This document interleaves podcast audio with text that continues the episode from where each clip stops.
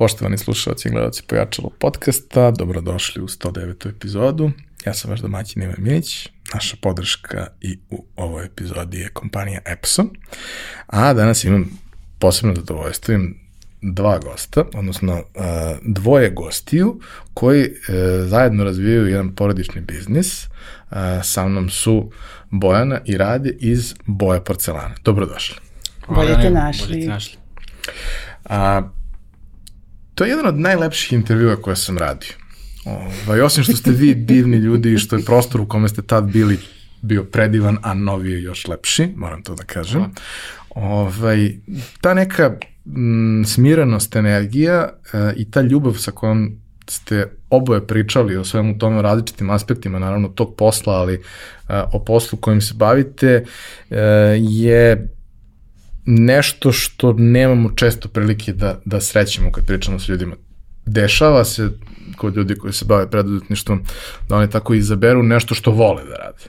Nije baš uvek slučaj, ali nekad se desi tako i to je onda, ako uspeju od toga i da naprave priču koja je održiva, to je zapravo win-win. Uh, Ali uh, da ne bih ja pokušavao da objasnim, pošto ja sam muškarac uh, koji nema sklonosti ka tim nekim preterano lepim funkcionalnim predmetima, voleo bih ako možete vi da objasnite šta je to čime se zapravo vi bavite. Alhemija. Tako i izgleda. Uh, Prvo, kad pomeneš da taj intervju koji smo radili pre mnogo godina, meni se čini kao da je to bilo pre dva života.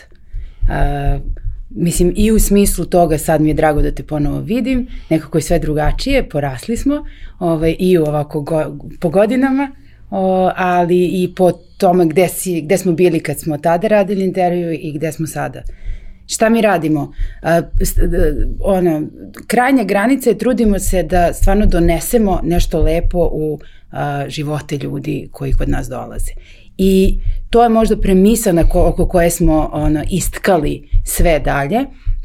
Ono što Rade voli da kaže ovaj, uvek, uh, to što pravimo posuđe od porcelana uh, u Beogradu, u Srbiji, je samo u stvari izgovor da se, uh, da to, da donesemo lepe stvari ljudima, da se družimo sa ljudima i da nekako ih obradujemo na način na koji mi znamo.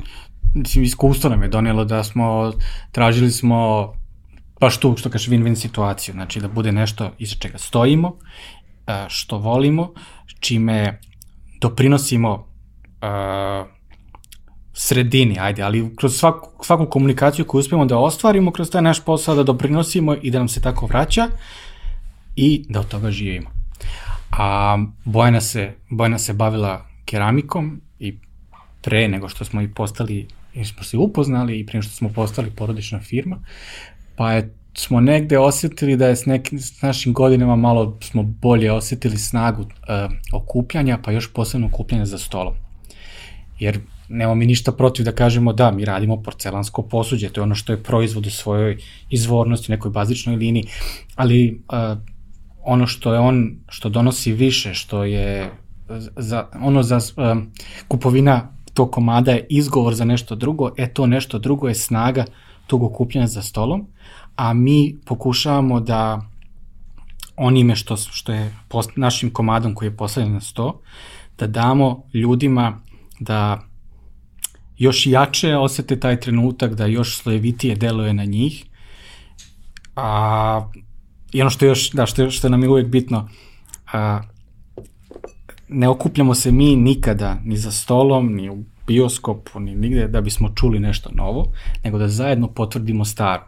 A to, ta zajednička potvrda nas sve zajedno negde činim jačima i onda smo mi, ajde, mi smo sebe našli da u jednom detalju možemo dodati da ta zajednička potvrda starog, da taj naš zajednički produžetak života koji će trajati od toga bude bogati za toliko. Eto, to. Svi smo negde ono, tokom odrastanja, a i kasnije, čini mi se da to možda neko malo prošlo vreme, ne znam koliko uh mhm. današnji ovaj, klinici to imaju tako. Svi smo imali te neke momente kao uh, omiljena šolja, uh mhm. -huh. omiljeni neki komad. Ja sam konkretno kad sam bio mali imao šolju sa kravicom koja je svirala. Svi smo. I užasno nervirala sve ostalo, ali sam i ja obožavao.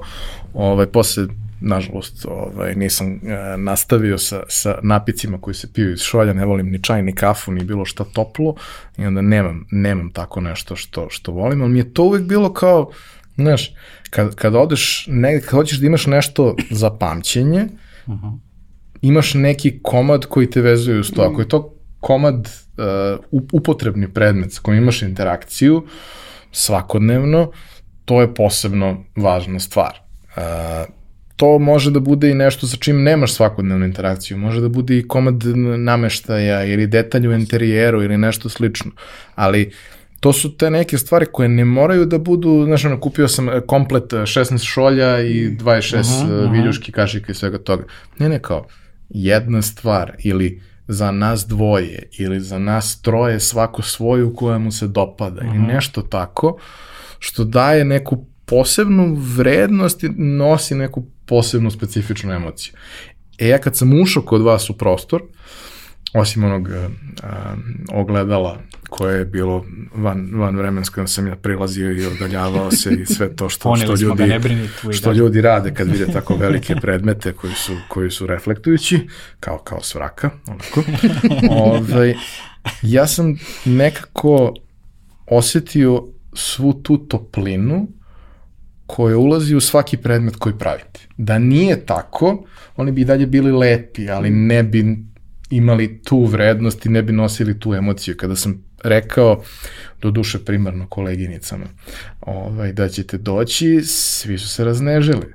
Sad, sticam okolnosti, skoro niko nije danas na poslu da može da vas upozna. Pozdravljamo se. Ali, kao, vaši a, proizvodi a, su nešto što jako puno ljudi zna i jako puno ljudi o tome razmišlja na način, znaš kao, iako nemam, želim da imam, ali čuvam to za neku specijalnu priliku, jer to e, nije znaš što ima još, što je, kad kažeš koleginice, imamo i mnogo kolega, imamo dosta dečaka koji vole sve ovo, ali ono što je meni lepo kad čujem, da ljudi, uh, kad im je, ne znam, možda su tužni ili nešto, odu na naš sajt, Kaže, ja sednem i gledam i mnogo mi bude lepo. Ali ja mislim da je to, da se vratim na ovo što si rekao, taj osjećaj nekog predmeta. Ne mora bude samo osjećaj predmeta. Može da bude emocija koju osjećaju, sećaju se, kao neka vrsta nostalgije ili miris koji te podsjeti na nešto. E, to je sve ono što je utkano, mislim, to je život. E sad, koliko smo mi odvojeni od onog stvarnog života danas, da je sve ispolirano, glatko, hladno, metal, kompjuter, onda ja mislim, još jedna dodatna dimenzija jeste kad ti uzmeš neki komad koji ima neku teksturu pa te zaintrigira. I meni se do, dosta dopada kada uh, izrađujemo i kad radimo dizajn da nekako uh, šljakamo na nesvesnom nivou, da sakrijemo razna neka mala rešenja i trikove koji ljudi neće primetiti svesno. Ali ja vidim kad neko dođe pa uzme, pa ovako gladi neku činiju, pa je pomazi, ja kao, mhm, sviđa ti se. Mnogo mi smiruje ovo ili kako je sad ovo? Zašto? Zato što sve što se kupuje industrijski je glazirano sa svih strana. Ti nemaš osjećaj šta je to. I onda si na neki način i odvojen od um, odvojen si od onog što jeste i život, a život je i grubo i propadanje i neš, ne, nešto što nije uvek tako lepo. Ali onda ga malo sakriješ u neki lepo predmet, a zaintrigiraš ljude da tu nešto pipnu, pa krenu da ose, krenu da razmišljaju o tome. E, e to su lepe stvari. definitivno vrlo ozbiljna stvar i, i taj moment da kao, pored vizualnog, što svakako jeste važno, i svi, sve, uh, doživlje i svih ostalih čula su takođe vrlo bitni. Jedna od, jedna od tih stvari je upravo taj miris koji, Znaš, znaš kada osetiš miris detinstva, ne postoji ništa što te brže i efikasnije vraća u taj neki period. Ili, ovaj, uh, upravo ta, ta neka taktilnost proizvoda. Znaš, većina stvari danas koje se proizvode su nekog standardnog podrazumevanog mm -hmm. kvaliteta, ali s vremena na vreme naletiš na nešto i nam se oduše. Mm -hmm. Ja sam imao jedan period kad sam imao jednu futrolu za laptop koju tako kad mi je teško ja otvorim ranac, zavučem ruku u futrolu i onda mazim. Mislim, to, to su sad već patologija, ali nije bitno. Da. Znaš, s vremena na vreme ljudi naprave nešto što E, se istakne na još jednom nivou u odnosu na ono što je podrazumeno. Ti danas ne možeš da imaš, mislim možeš, ali redko imaš masovno upotrebljavan i pakar donekle voljen proizvod koji nije dobar. Kao, znaš, jednostavno to je sad već produkciono na tom nivou da manje više sve je nekog ok kvaliteta, ono, mm -hmm. pominjali smo pre nego smo počeli, mislim, mi, mi pijemo vodu iz čaše iz Ikeje, da, kao, da, brate, da. Ono, to je standard. Tako je, tako je. Ali za neke posebne prilike ćemo verovatno piti iz nekih drugih. To se nekad čuvalo, to je kod nas nekad postojalo Ali kao neka vrsta... Ali to je izazov u stvari koji smo mi krenuli malo da čačkamo. Uh, kako da uh, isprovociramo baš taj segment gde lepo je, držim ga u vitrini i to je za posebne prilike. Mislim, život je mnogo kratak, život prođe. Mislim, uh -huh. i, i nemaš toliko posebnih prilika, ali onda malo obrneš igricu, to jest postavku i kažeš, a što meni svaki dan ne bi bio poseban dan. U smislu, uh, mnogo malo imamo vremena za sebe. Da. To, je, to je ključna stvar. I onda ako ti uspeš da ukradeš tu, šta god, jutarnju kafu, ja, mama gleda kroz prozor i ovo je moja šolja i ne obraćajte mi se. To je moj trenutak koji svako će da se prepozna u tome. Jer to si ukrao pet minuta od svega i uh, što da ti ne bude lepo šolja. Neka, neka prva povratna informacija koju smo dobili od ljudi kada smo ih ohrabrivali da to koriste svaki dan, verujem da je mnogima zvučalo da ih ohrabrujemo da to više razbijaju, da bi mi više prodavali, ali ovaj, kao stakloresev sin ide po gradu pa lupa izloge, ali uh, objašnjavali smo to uvijek tako da, i danas objašnjavamo tako, uh, da, porcelan može da se razbije.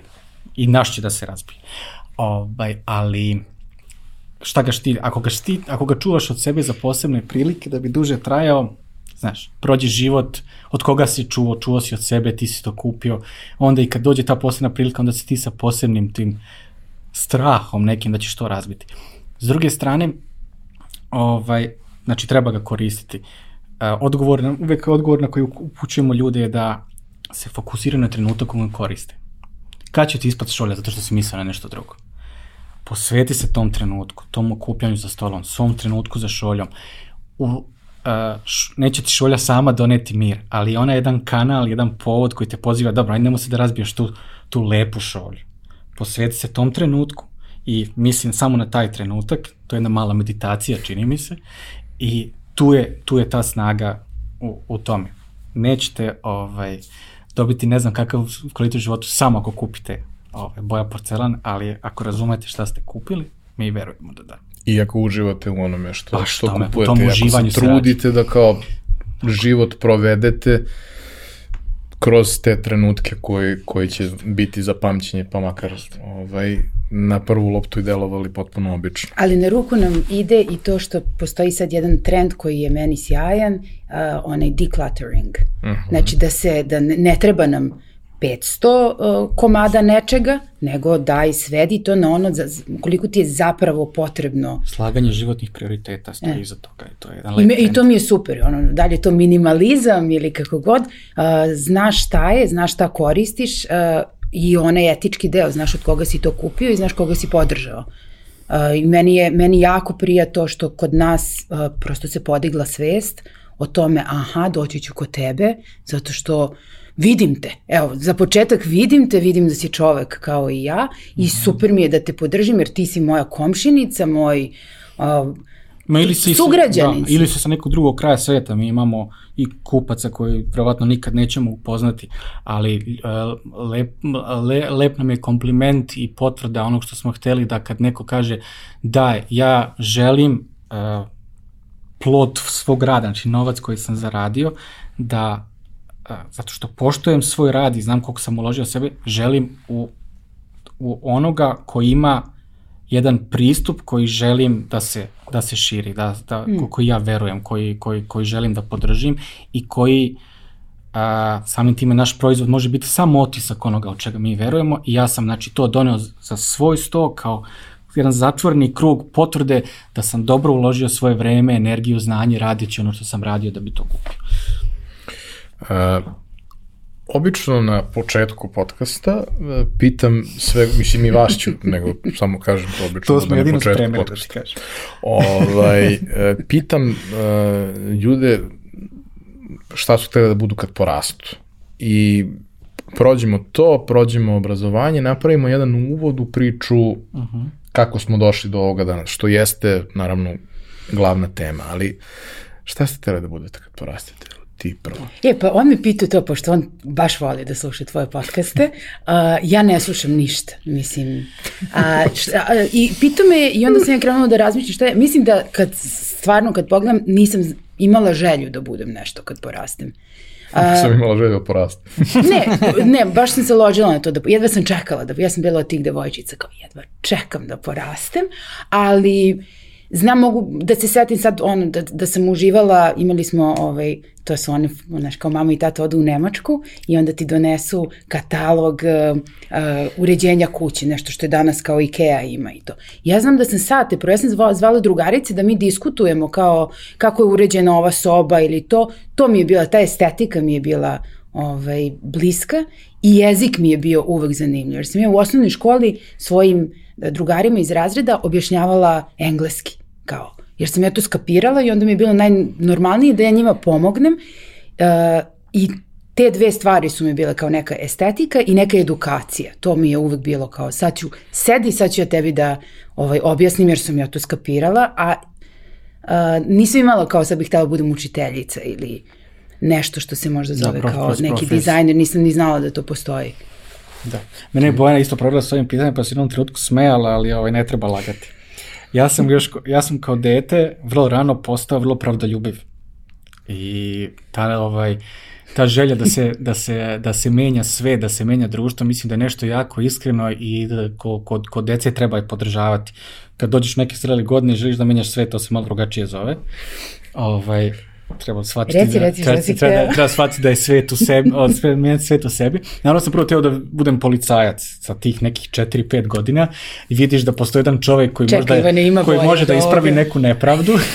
ima bolje. E, I onda sam shvatio da to može dalje, da sam se ja tu negde ovaj, razočarao i rasli su mi ambicije pričamo o mojih 6-7 godina, o 80-im, ja sam teo da budem predsednik Jugoslavije, šta god to značilo. Ovaj, šta god to donelo, ja sam za mene je dete od 6-7 godina u SFRJ, Jugoslavija i svet bila jedna ista stvar. Razumeš, znači ja nisam nešto to video mimo tih nekih granica i tog nekog mikrokosmosa koji se nam u tom trenutku predstavlja kao neobično bitan. E, ovaj, a onda je krenulo sazrevanje, naravno, pa počneš da prepoznaješ fina brušnja tih svojih želja, pa sam shvatio negde u pubertetu da na mene mnogo lepši utisak ostavljaju umetnici umesto političara i ovaj, tu počne da se gradi moja želja da, da budem reditelj. Ja sam verovao da film može da promeni svet. Ako promeni mene, ako promeni moj svet, ja sam bio ubeđen da i svi isto tako dožive taj film koji su odgledali. I mislio sam da je ceo svet odgledao neke filmove koje ja volim, kasnije će pojene gledati bledo na neko spominjanje nekih naslova, ali imao sam i ranije, i ranije ta razočaranje. Ali ono što je od sve te želje da se menja svet danas ostalo, ono u čemu uživam je da koliko mogu, bez ambicije i zacrtanih rezultata, otičem na ono što se zove kultura. A to je ono kako mi svi zajedno razmišljamo o pitanjima koje nam se postavljaju. I to sam, jako mi je drago što sam studirao, ovaj, baš ređi što sam proveo jedne, te neke mlade godine upućene na ta neka pitanja koje nosi ovaj, koja nosi takva, takva jedna umetnost koja ima dubok društveni kontekst, jer ti kad Nije isto kad uradiš sliku i kad uradiš film koji će gledati neki ljudi u bioskopu, još kad uđeš obzir koliko si ti novca morao da skupiš da se to snimi, to je sve jedan, jedan društveni, društveni projekat uvek ovaj, veći. I a, nije, znači tu sam, tu sam naučio što sam sad rekao, da se nikad ne skupljamo ni u pozoriš, ni u bioskopu, ni za stolom, da bismo čuli novo, nego da potvrdimo staro i taj deo me, taj deo me uvek fascinirao i kako da ja kako da ja doprinesem tome i kada je kada više nisam video u toj karijeri svojoj, ovaj, radio sam uglavnom po, po TV i video produkcijama, sve nekako čekajući te neke mrvice kad ću moći da utičem na kulturu. Ja sam bio jedan od reditelja paklene kuhinje, ovaj, Saša ti je bio ovde i koje smo zajedno, ovaj, sam jako bio srećan tada što sam uspeo sa, da nađem dovoljno sluha u samoj produkciji da od toga ne napravimo uh, reality show sa vikanjem, nego nešto što utiče na, na, na radnu kulturu, kulturu ishrane, sve ono, neke teme koje smo tu dodirnuli, koliko je moglo, nije moglo to da se pravi. Ali počinjem da se zasićujem Znači, ne očekujem, sad očekuju ljudi da ću reći opšte mesta, verovatno kao tipa kakvo je stanje u našoj produkciji. Mene je umaralo čekanje.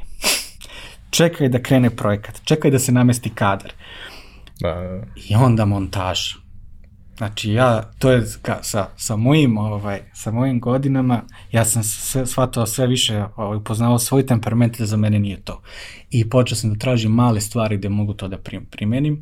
Iskočio sam iz voza, zaposlio se u restoranu, zavoleo to ono, svim srcem kao što sam do tada i voleo film ovaj, i bio spreman da komentarišem život i, i, i, i profesije koje mi dolaze onim, onako kak, kakav sam ja, a ne da biram kakva će profesija biti, što mislim da je znak zrelosti. I u neke dve godine mog prvo rada u restoranu, pa kasnije traženja prostora za restoran, sam shvatio da sam našao dobrog čoveka za kuhinju, što je, ljudi su uvek bitni. Ovaj, tražili smo, to je bilo vreme kad će se, ovaj, kad, je, kad su svi hteli da otvore restoran u Beogradu, kad je bilo nemoguće naći bilo kakav prostor. I danas mislim da ono kako sam ja razumeo to da bi bio dobar koncept.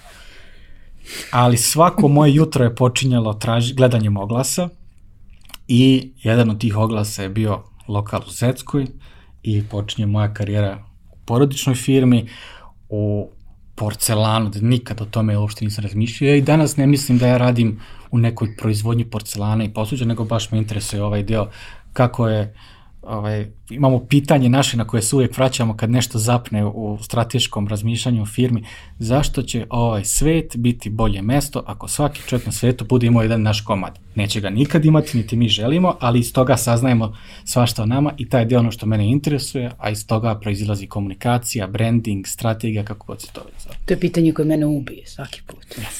svaki put, ali počnem da vrištim kao one opet to pitanje. Tako. Komplikovan čovek. Aha. Ove, a, što se obrazovanja tiče, ti si opet otišla na neku, u najmanju ruku, neobičnu stranu.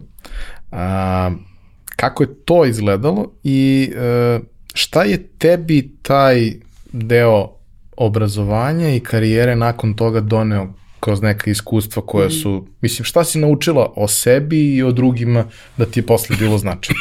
Ne bih rekla da je toliko neobično. Mislim, to je, kao ja sam studirala kineski i završila. Nije uopšte. Iako, iako imam stalno neki ponavljajući san kako mi je ostao jedan ispit.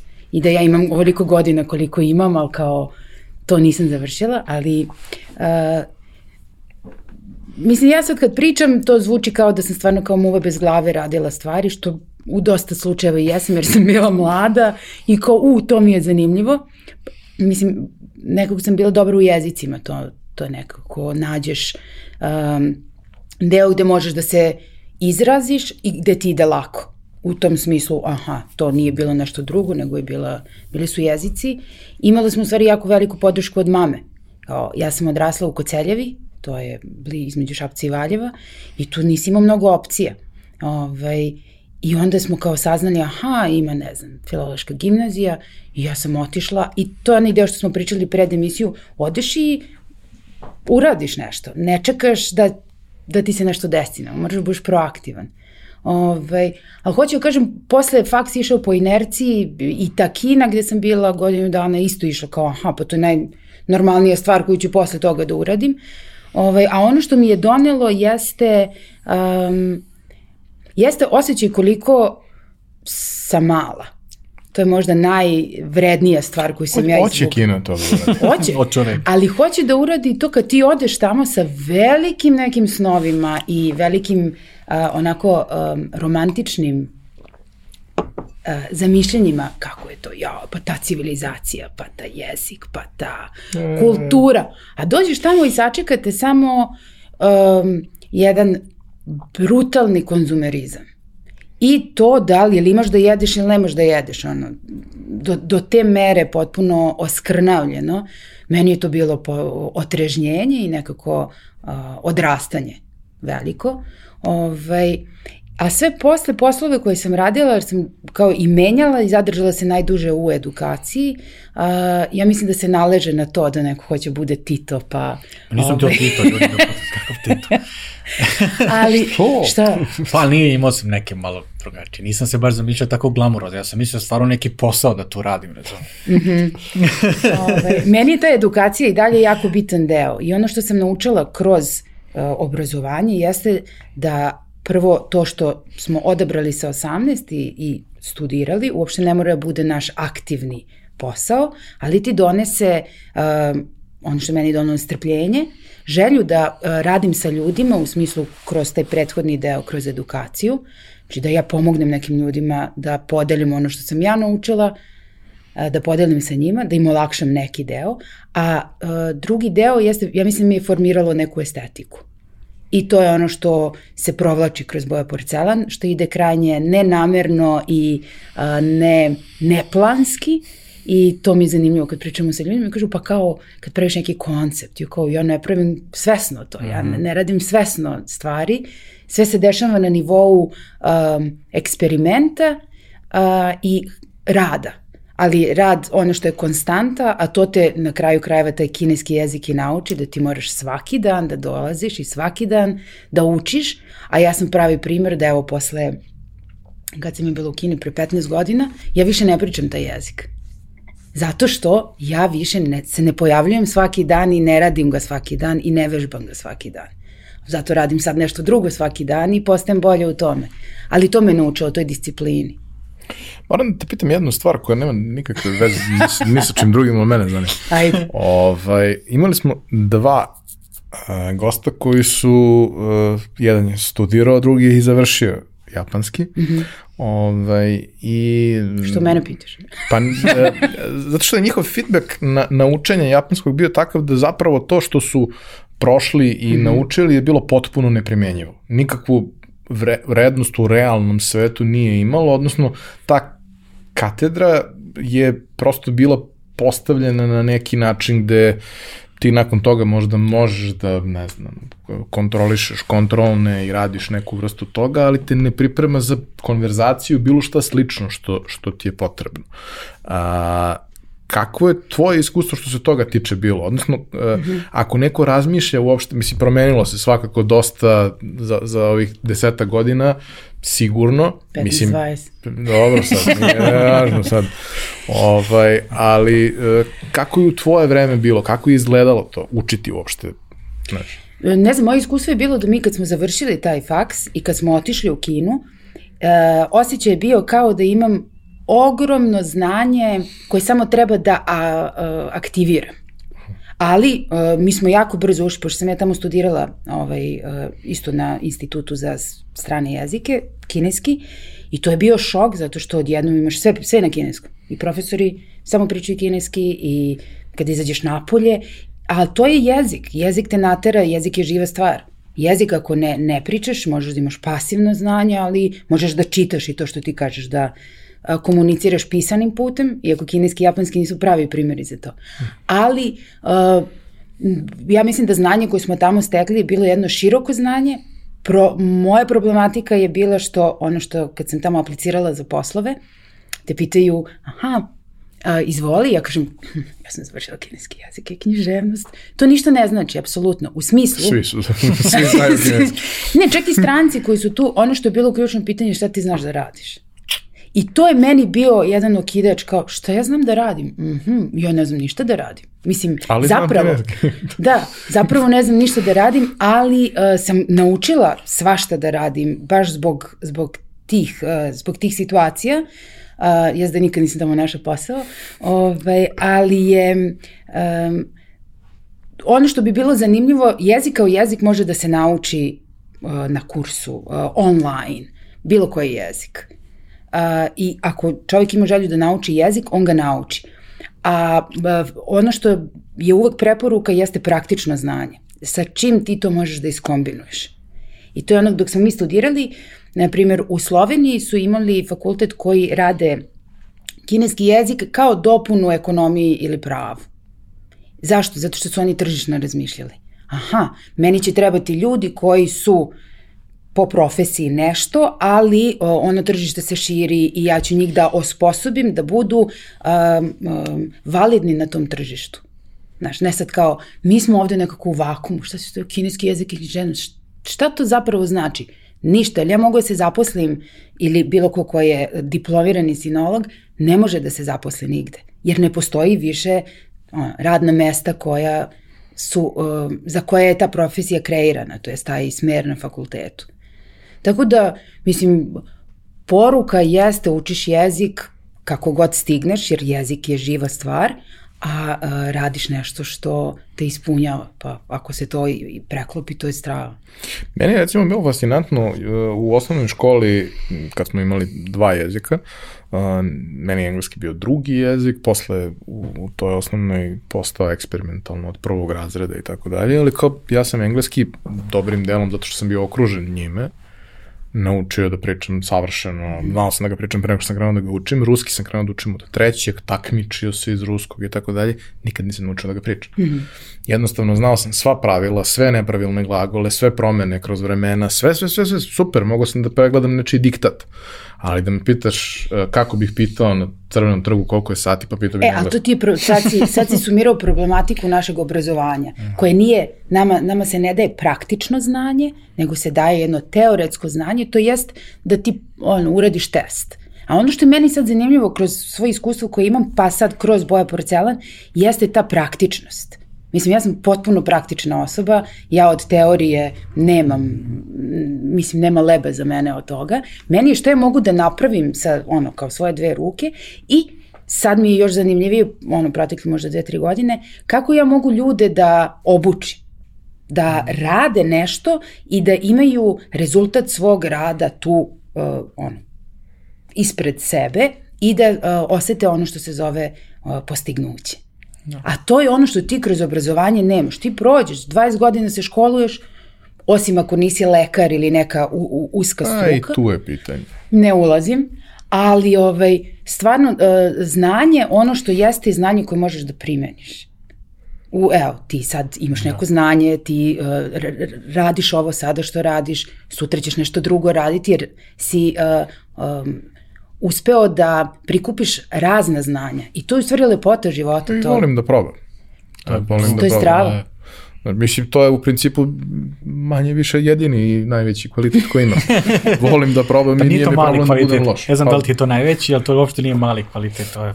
Pa, znaš, prevazići taj strah od toga da nešto probaš i od toga da u startu ćeš da budeš loš, šta god da uzmeš da radiš, bit ćeš loš, verovatno, mislim, ovaj, svakako ne dovoljno dobar, mhm. možda ne loš. Ovaj, to je nešto što sa čime se verujem mnogo ljudi bori i vrlo malo izbori. Mm -hmm. Znaš, kao prevazići to, preskočiti tu stepenicu je vrlo, vrlo teško. A zato izvini, kad, si, kad se mhm. baviš keramikom, ona je najbolji učitelj glina, a u našem slučaju porcelan, te svaki dan uči da ništa ne znaš. I svaki dan imaš frustraciju s kojom se nosiš i e, moraš brzo da je prevaziđeš zato što ne želiš da nosiš u sledeći projekat ili u sledeći dan to. To se odmah tu završava, idemo ono opelo, kratko, uh, omaž čajniku koji nije uspeo, idemo dalje i ne vraćamo se na to. Mislim, uzmemo šta smo naučili iz toga da ne ponovimo grešku, ali u tom smislu je on, sjajna stvar što bi rekla baba jednog mog prijatelja, ne mogu ja sine pre nego što mogu. Tako, tako, ovaj, tako Jedna od stvari za koju mislim da su, da su vrlo, vrlo dragocene, dotekla si se toga je upravo taj moment da kao uh, nema ništa odmah. Mm -hmm. to, to je proces koji traje toliko koliko traje. Ako se tebi žuri, ne treba da ga mm -hmm. radiš sad, mm -hmm. ali kao on traje toliko proces učenja, ulaska u sve to, mm -hmm. da, možda ćeš imati malo više talenta i smisla, pa ćeš iz manje pokušaja da dođeš do ne, ali nećeš iz prvog, verovatno. I ako nešto ti uspe iz prvog, sledeća stvar, verovatno neće. Ono, proces kroz ono, pokušaj i pogrešku u principu, gde moraš da naučiš sebe da ne odustaneš. Znaš, ja zato volim te i svi su već bolno svesni toga koji slušaju, te sportske metafore, zato što ne postoji slučaj vrhunskog sportiste koji je kao počeo i od sutra sve i preko sutra zlato i narednih 30 godina zlato i eto to je Tako to. Je. Kao, ne, kao to je proces gde pet godina ništa, pa onda tri godine nešto, pa još pet godina nešto, pa onda nešto malo više i onda za mali broj ljudi dođeš do toga da kao, e sad stvarno olimpijski šampion, svetski šampion ili medalja. Ali lepota je da ti voliš taj proces. Tako je. Koliko god bio bolan, frustrirajuć, da ti svaki dan ustaješ i ideš to da radiš. To je izbor i to je slobodna volja. Da voliš da te boli, što kažeš. Šalim se. Ovaj, mada, da, da. Ima. A, hajde samo da, a, znači, pomenuli smo šta radite, zove se Boja Porcelan, idite kucite na internet, divno je. Ovaj, ali nismo došli do toga a, kako, u kom trenutku si se ti zapravo odlučila da kreneš nešto da radiš po tom pitanju, kako, kako si počela uopšte. Znamo za lokal. To je bitno. To je jel? bitno. Neko se bavi. Ovaj, ali kako, kako si ti došla do toga? Pa evo, kao što sam ti rekla, kod mene su tako, se dešavaju stvari. Nemam, mislim, ja stvarno sam osoba bez velikog plana, ali imam na dnevnom nivou planove. A keramika je bila, to je baš to kao sam jednom nešto probala i napravila sam nešto. Ja sam bila oduševljena, kao vidi, nešto sam napravila. I bio mi je hobi. Mnogo godina mi je bio hobi, a u stvari sjajna stvar sa hobijem je zato što ti voliš to da radiš. I nemaš očekivanja, nikakva. I onda sam ja imala mnogo godina da, a, ajde nazovi, idem na praksu. Znaš, mnogo godina da probam, jer me niko nije gledao, ja od tog nisam zarađiv, mislim, nisam živela od toga. Znači, svaki pritisak je bio otklonjen. I kad uh, nasuprot ono, životu, kad si mlad, odeš u atelje, osetiš taj mir. I um, ako imaš, ako si introvert, to nađeš kuću, nađeš ono svoje utočište i dom, iako mene ljudi kad upoznaju ne misle da sam tako fokusirana i mislim ja volim da pričam, ali To se vežba. Ali s druge strane, kad jednom osetiš taj, taj trenutak sam sa sobom i kad ti se dopadne taj trenutak sam sa sobom, ne puštaš to tako lako. I onda sam ja išla, meni je to bilo kao, ne znam, ljudi koji idu na sport jer vole to ili bave se nekim hobijem. Meni to atelje svaki vikend, moja ekipa je ono zujala svugde, da, da. Ja sam kao, mislim, ta disciplina mi je bila bitna. Uh, I mislim da se dešavaju neke promene oko te famozne 30. godine, to jest kad pređeš 30. Meni se tada desilo to neko presložnjavanje, kao šta je meni bitno u životu, čime želim da se bavim. Ja sam do tada uh, radila kao instruktor uh, jezika i to je meni bilo sjajno, to je deo moje ličnosti. Ali nekako sam osjećala da tu ima još nešto što bih ja da probam. Uh, ne znam, samo sam rekla, ej, super, ja bih sad da radim porcelan. I onda sam iznajmila neke atelje i onda sam išla svaki dan tamo kao na posao, a to mi nije bio posao, da ja probam materijal i to je trajalo jako dugo. Ovaj, I malo po malo je to raslo, imali smo ono uvek one priče kao, i, pošto imamo čerku zajedno, kad je bila beba, ja uh, odem sad dva u atelje nešto da radim.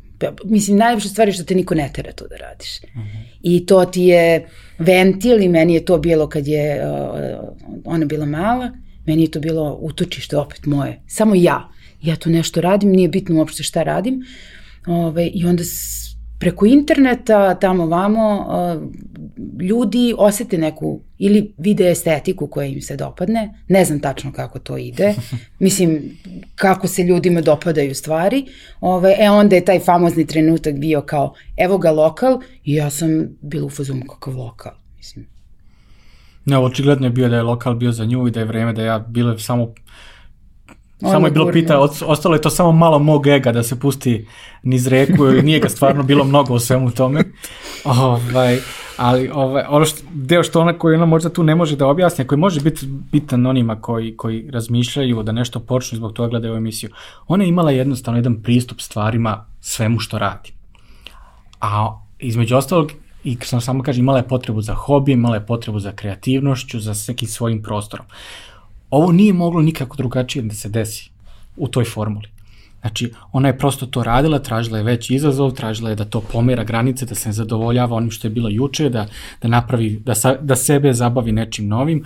U jednom trenutku ti vidiš da imaš iza sebe nekog posla, ok, ja želim ljudima da pokažem Mogli su da ne postoje društvene mreže, ne bi bilo toliko strašno, bilo bi bitno da ima, i da je bilo bitno da ima kvalitet, u njenom vremenu su, u našem vremenu postoje, ona je to slikala, zato što je dobro, to ne može niko da ne vidi, to ne može dalje da ne krene da raste. I život je, uh, priredio je taj luksuz da je pita, da li bi ti možda ovime profesionalno da se baviš? Jer mogla je da zasluži da to pita samu sebe da li želi. A kako sam se ja ovaj kako sam se ja tu našao verujem takođe nekim drugim ovaj moguć kvalitetima nisam slučajno do sad bi već bio provaljen a prošlo je 9 godina ali mislim da je to negde taj pristup kao znaš imam neki posao koji, za koji se ne dajem, imam posao koji je dosadan, ima je, i ja bih sada da počnem, neće to tako ići. Tvoj stav prema svakom poslu mora da bude takav, a onda se neke stvari kao posljedica tvog životnog iskustva poklope da ti možeš i da se ostvariš u nečemu čemu si, što voliš i u čemu si umeđu vremenu postao dovoljno dobro. Ima onaj citat koji kaže uh, da, da, inspiracija je super stvar, ali mnogo je bolje ako vas nađe dok radite.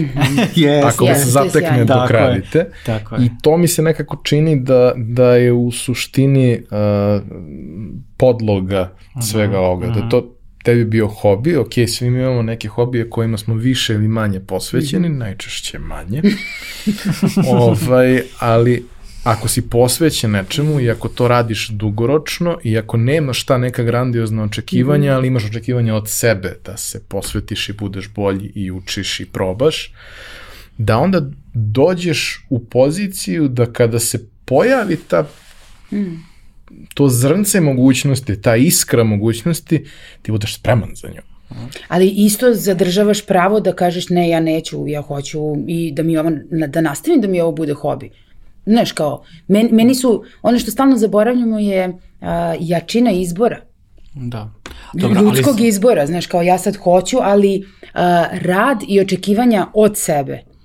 Znaš, ali, ali ja i dalje mislim da, a, znaš, ja i dalje idem svaki dan na posao, ja i dalje radim u radionici, ja sad nema kao, sad smo mi nešto napravili, mm, nego kao da se ništa nije desilo. I da. meni je tu lepota toga zato što kao ja stvarno volim to što radim.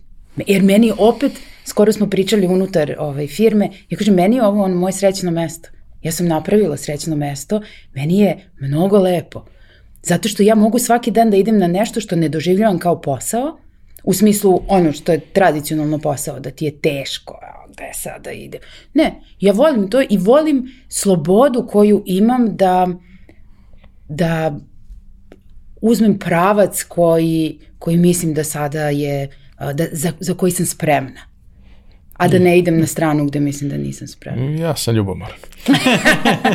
ne mogu, pogledaj ovde kako je. Šalim se. Dobro. A, ono što je meni bilo zanimljivo, dakle, u, trenutku kada uh, kreće neka prva informacija ka meni o tome šta ti radiš. A, ja sam čovek koji to, ima čaše iz Ikea, ne, nisam. I mi, imam, imam, ja. I mi. Ne, ne, ali mislim, ja imam samo čaše iz Ikea. ovaj, ali jednostavno ne možeš da ignorišeš nešto što je uh, jedinstveno, jako lepo, neobično i za čega stoji neka topla ljudska priča, neki ljudi do kojih zapravo možeš da dođeš, onda odeš kod njih pa vidiš veliko ogledalo i tako dalje. ovaj, I sve što ustoji, da vidiš i kako, kako to sve nastaje. Ja sam i video dobar deo tih stvari pre nego što smo se mi upoznali, jer prosto kroz društvene mreže i sve ostalo mogu da ispratim od prilike šta se dešava u svemu tome, kao ne možda ostaneš baš ravnodušan, ali ono što, što, što je meni interesantno, kao dosta ljudi u raznim periodima pokušavalo da radi nešto svoje na tu temu, ali mislim da je taj tvoj izraz uh, koliko god ti to predstavljala kao ja, to je to tako malo nešto se ja, pa to se desi, uh, da postoji jedan kontinuitet, jedna konzistencija između svega toga, a da je opet prilično jedinstveno, ne liči na druge stvari. Da, sad već postoje stvari koje, sad sve liči ne postoji stvar koja ne liči na neku, neku drugu stvar negde na svetu. Od kako su izmislili Pinterest, imam traume svaki dan kad, kad, kad imam neku ideju. Pa i ranije to sve, da. Pa dobro, sad je dostupnije, znaš, pa, pa je malo s te strane strašno. Ali ko, kako si ti našla taj svoj izraz? Pa hvala ti, Ivane. pa znaš šta, Ja mislim da ja ne umem da pričam o, o, najiskrenije. Ja ne umem da sad kažem zato što imam utisak da ću uvek da zvučim pretenciozno, a nisam i ne želim. Ili ali pretenciozno, sam... ili ćeš da zvučiš, pa ne to samo tako ja, to i da. to se desilo. Ne, ne, to je bilo da. sa, sa hobijem, to tako. ali mislim da on bolje priča o meni. Ali za izraz, uh, možda zato što nisam imala najiskrenije nikakvu nameru da sad stvorim nešto, nego je išlo na nivou probam, ne valja, probam, mm, ovde ima nešto, hajde da razvijam dalje to. A, to je s jedne strane, a s druge strane, a, to je suma sumarom ono ko sam ja. I to je ta direktna linija i meni to jako prija zato što a, nema tu velikog truda kao sad ću ja da sednem i da smišljam.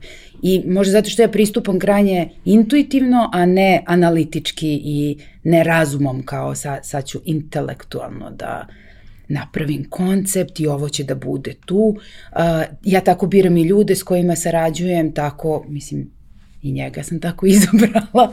Uh, mislim da su to nekako ja najprirodnije, najprirodnije stvari su intuitivne stvari, one koje ne, gde ne dozvolimo da, da razmišljamo da. mnogo o tome. Da, to je, to je, to je stvar u kojoj smo, Ništa ti nisam koje smo slični, naspram stvari koje su različite, koje smo različiti, koje, koje možda tako pravi neku, neku, neku, neku dobru kombinaciju. Oboje, oboje polažemo dosta na intuiciju i sve greške koje napravimo iz intuicije um, optužemo sebe. Uh, kasnije jer smatramo da smo negde bili neiskreni prvo prema sebi što smo pustili tu odluku da izađe, a mora da se radi takođe na s druge strane kao jedna protivteža jednom na intuiciji koja je jedan oblak neuzemljeni. Ovaj, da. Ali... Šta, ali mislim, ja bih to mogu da svedem na, na, na jednu rečenicu, mm -hmm. ovaj, koju sam čuo par puta od tih nekih finih ljudi koji tako prave neke fine stvari da. raznih. Ovaj, ja to pravim ko za sebe. Aha. Znaš, tako je, tako je. I mislim da je to poenta. Prvo, praviš to tako da ti budeš srećan i zadovoljan sa tim, da možeš stvarno da staneš iza toga i da kažeš, ej, ovo je, ovo sam ja, uh mhm. -huh. ovo je mali deo mene i ono, moje duše ili A zar to, čekaj, zar to nije kao lepota bilo kog posla? Ako ti nešto stvaraš, ti stvaraš neki sadržaj, ti stvaraš ovaj podcast, to si ti. Ja isto to pravim ko za sebe. Da. Pa ali, da, da. Uh, ja mislim da to komunicira sa ljudima. Yes. I ljudi to uh, osjećaju. Meni je uh, možda najlepša stvar koju sam čula uh, da ako se tebi ne dopada ovo što ja radim, onda to nije za tebe. Mene je to toliko rasteretilo. U smislu, aha, pa da, to je užasno mm -hmm. jednostavno. Uh, prosto kao ljudi se osete, a meni se sviđa to, upoznam tebe i ti mi se dopadaš, super, ajde radimo nešto zajedno. Ili super, mm ja ću sad da dolazim kod tebe da kupujem nešto ili da pravimo nešto zajedno. I e, život je prekratak da bi se previše analiziralo. Da, raditi ko za sebe je preduslov, ali zna da bude nedovoljno. Postoje onaj deo da ti prelaziš komunikaciju toga, zašto bih ja to kupio. Znaš, imaš super, tebi je lepo, znaš, koliko puta si bio na raznim izložbama umetnika gde kažeš ok, ali ništa nisam poželao, ponesem kući. Ali tako? Ovaj, dati tome neki kontekst, može, može da, se, da se poklopi mimo tebe, da to kako ti radiš se poklapa sa jednim, s jednim delom ovaj, populacije koji je dovoljan da, koji je dovoljno velik i može to da kupi da ti zakotrljaš to kao posao, ali pre ili kasnije moraš da promisliš o tome zašto je, opet ona ista, zašto će ovaj svet biti bolje mesto ako svi budu imali moj komad, ali da, gde, gde je o tome tvoje mesto i kako ti to doprinosiš. Nama su uglavnom prolazili što kao volonteri, što kao zaposleni mladi ljudi koji završili neke umetničke fakultete. I ono u što nas dvoje verujemo da a, ako, ako, si, ako si uradio, stvorio si nešto, nešto kreativno, neko delo, nije bitno, i imaš svoju ličnu katarzu, super, ali postoji društveni kontekst tvog stvaralaštva ili ne postoji. I to znači ja ovde u vremenu i prostoru. Ne možeš da očekuješ da nešto što si potpuno hermetično i svoje najintimnije potrebe uradio, da ćemo mi to da kupujemo samo zato što si ti akademski umetnik. Ti moraš da budeš svestan jedne nijanse u svemu tome zbog čega je to taj društveni kontekst. Zašto je danas vreme kojem ćemo mi doprineti da ljudi imaju kvalitetni život sa ovime što mi radimo. Eto, to je tako sam Pa u bio- suštini da prosto moraš da razmišljaš da umetnost je divna stvar, ne, ne uvek, ali često Mhm. Kad je jeste. umetnost, jeste.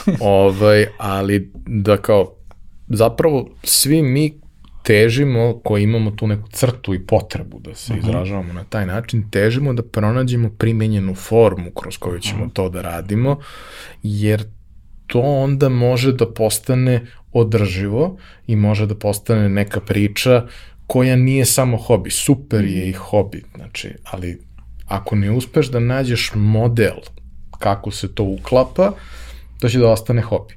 I to je okej, ko to želi.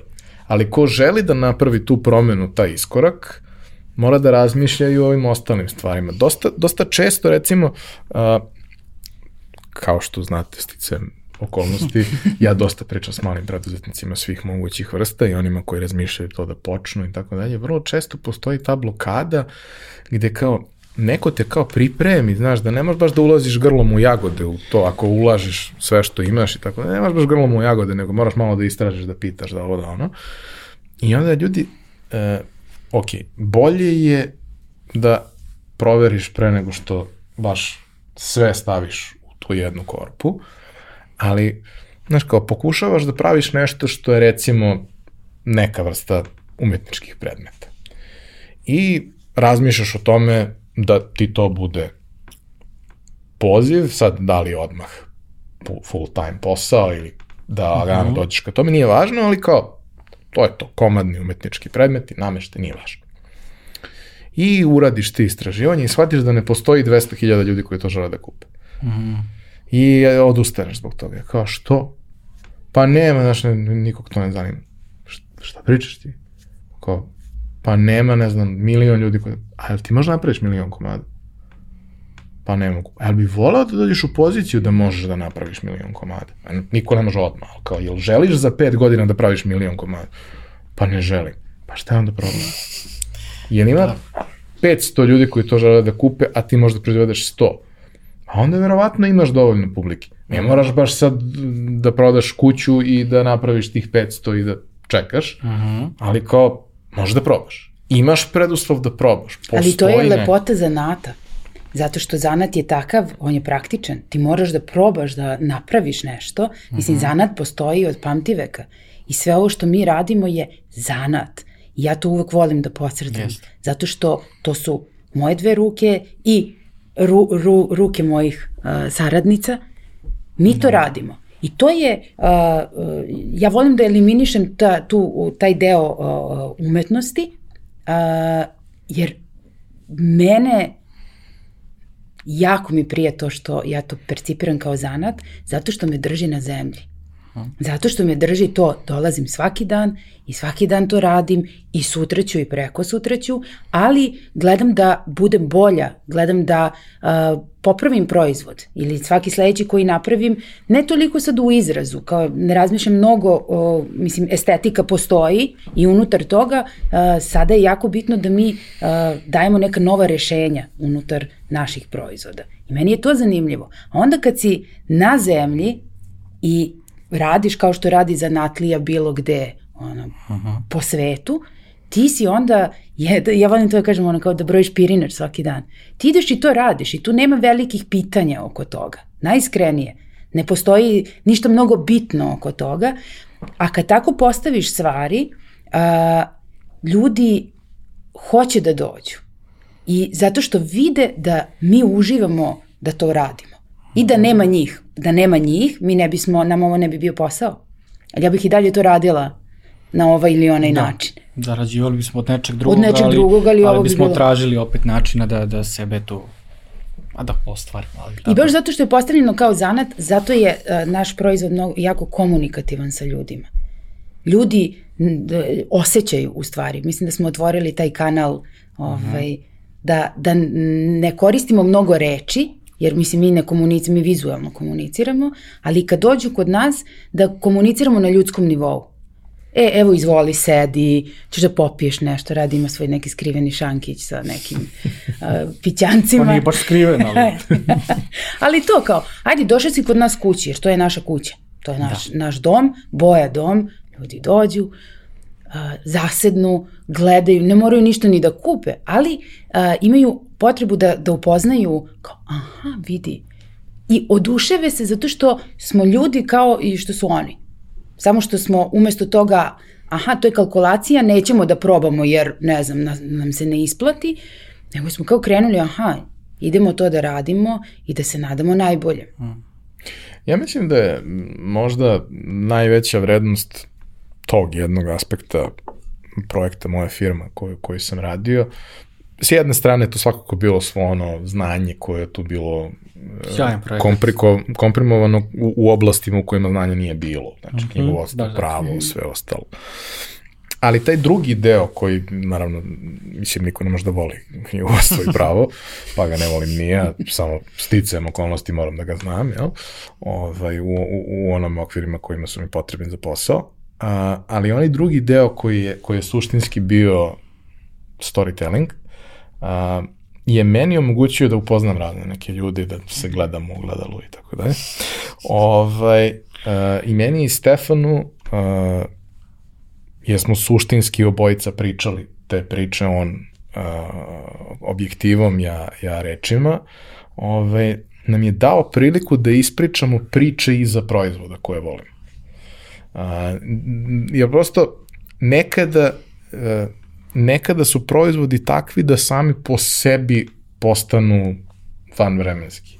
Ko šta voli ima uvek nešto zašto se uhvati, da li je to neki model automobila, da li je to neki komad nameštaja, da li je to neka slika, da li je to neka pesma, nije važno. Postoje stvari koje su same po sebi toliko veće od svega da jednostavno ostanu upamćene za uvek. Ali ni one najčešće nisu prva stvar koju je neko napravi. -hmm. I da bi došlo do toga potreban je neki proces. Da bi, da bi do procesa došlo, mora da postoji pažnja neke javnosti, mora neko da primeti da postoje neki ljudi mhm. koji rade nešto. Mi smo tamo imali i ma, veoma male firme i firme koje su suštinski nečiji malo ozbiljniji hobi i firme koje su veće, ali smo negde o, o, prikazali ljude iza tih proizvoda i priče iza tih proizvoda, kako su one nastali. Čini mi se, mislim, što danas radim kroz pojačalo, da smo uspeli zapravo kod većine tih ljudi da dođemo do toga da nam ispričaju svoje priče iskreno i autentično. Što ovde to baš nije najčešće slučaj. Posebno ako te priče uh, imaju te neke elemente posrtanja u, u, u celom tom procesu. -hmm. Neće to ljudi naši da podele. Ne, Evo, nas je sramota, a e, ne shvatamo koliko je to dragoceno. -hmm. Zato što to su stvari koje su za sve nas iste. Svi mm -hmm. smo u nekom trenutku došli do trenutka kad kažeš uf, e, šta ćemo sutra? Ovaj, a šta ćemo za Kiriju ovaj mesec i tako dalje. I kao, to su stvari koje se prevaziđu. Nekad se možda i ne prevaziđu, ali mnogo češće odustanemo u onim situacijama kada to nešto što može da se prevaziđe, samo zato što ne, nemamo tuđe iskustvo koje kaže da možda ipak Ali nekad ti nije potrebno tuđe iskustvo, nekad ti je samo potrebno da sa sobom uh, ispregovaraš, to je sa da. sobstvenim strahom, da ispregovaraš i kažeš, e okej, okay, ali ću da idem to da uradim. Nema veze, mislim, teško mi je, ali ću opet da napravim taj korak i, i da prihvatiš iako ne uspeš. Mislim, Mi smo sto puta no. kroz, kroz posao, evo za ovih sad pet godina aktivnog poslovanja, a, imamo a, mnogo nekih projekata koji prosto nisu zaživeli, nisu uspeli. Ali meni je to lepota, kao to je ta sloboda. Dobro, Ideš, da. probaš, ne uspe, probaš, ne uspe, probaš, uuu, ajde. Ali ljudi najviše vide te projekte koji uspeju. Pa naravno, naravno i mislim, uvek to jeste... Uh, monolog ili dijalog sa sobom na temu toga šta, mm. šta ćeš da radiš. Ali je lakše kad znaš, vidi, još neki ljudi su došli ovde i preživeli su, pa možda i ja preživim. Malo te nekako smiri, možda ti da neku dodatnu sigurnost kada su sobstvene odluke ovaj, u pitanju. E sad, a, ti si našao lokal. Yes. I znao si. Ti si znao i još je tamo trebalo ona da zna. Uh -huh. A, lokal znači odluku, lokal znači posvećenost, uh -huh. lokal znači ok, sad definitivno idem. Tako je. I kako je to išlo? Da, zanimljiv moment skroz. Mislim, mi smo ljudi od koji bih od koji bi uvek očekivao da će napraviti jedan biznis plan, da će napraviti jednu kalkulaciju, marketičku strategiju.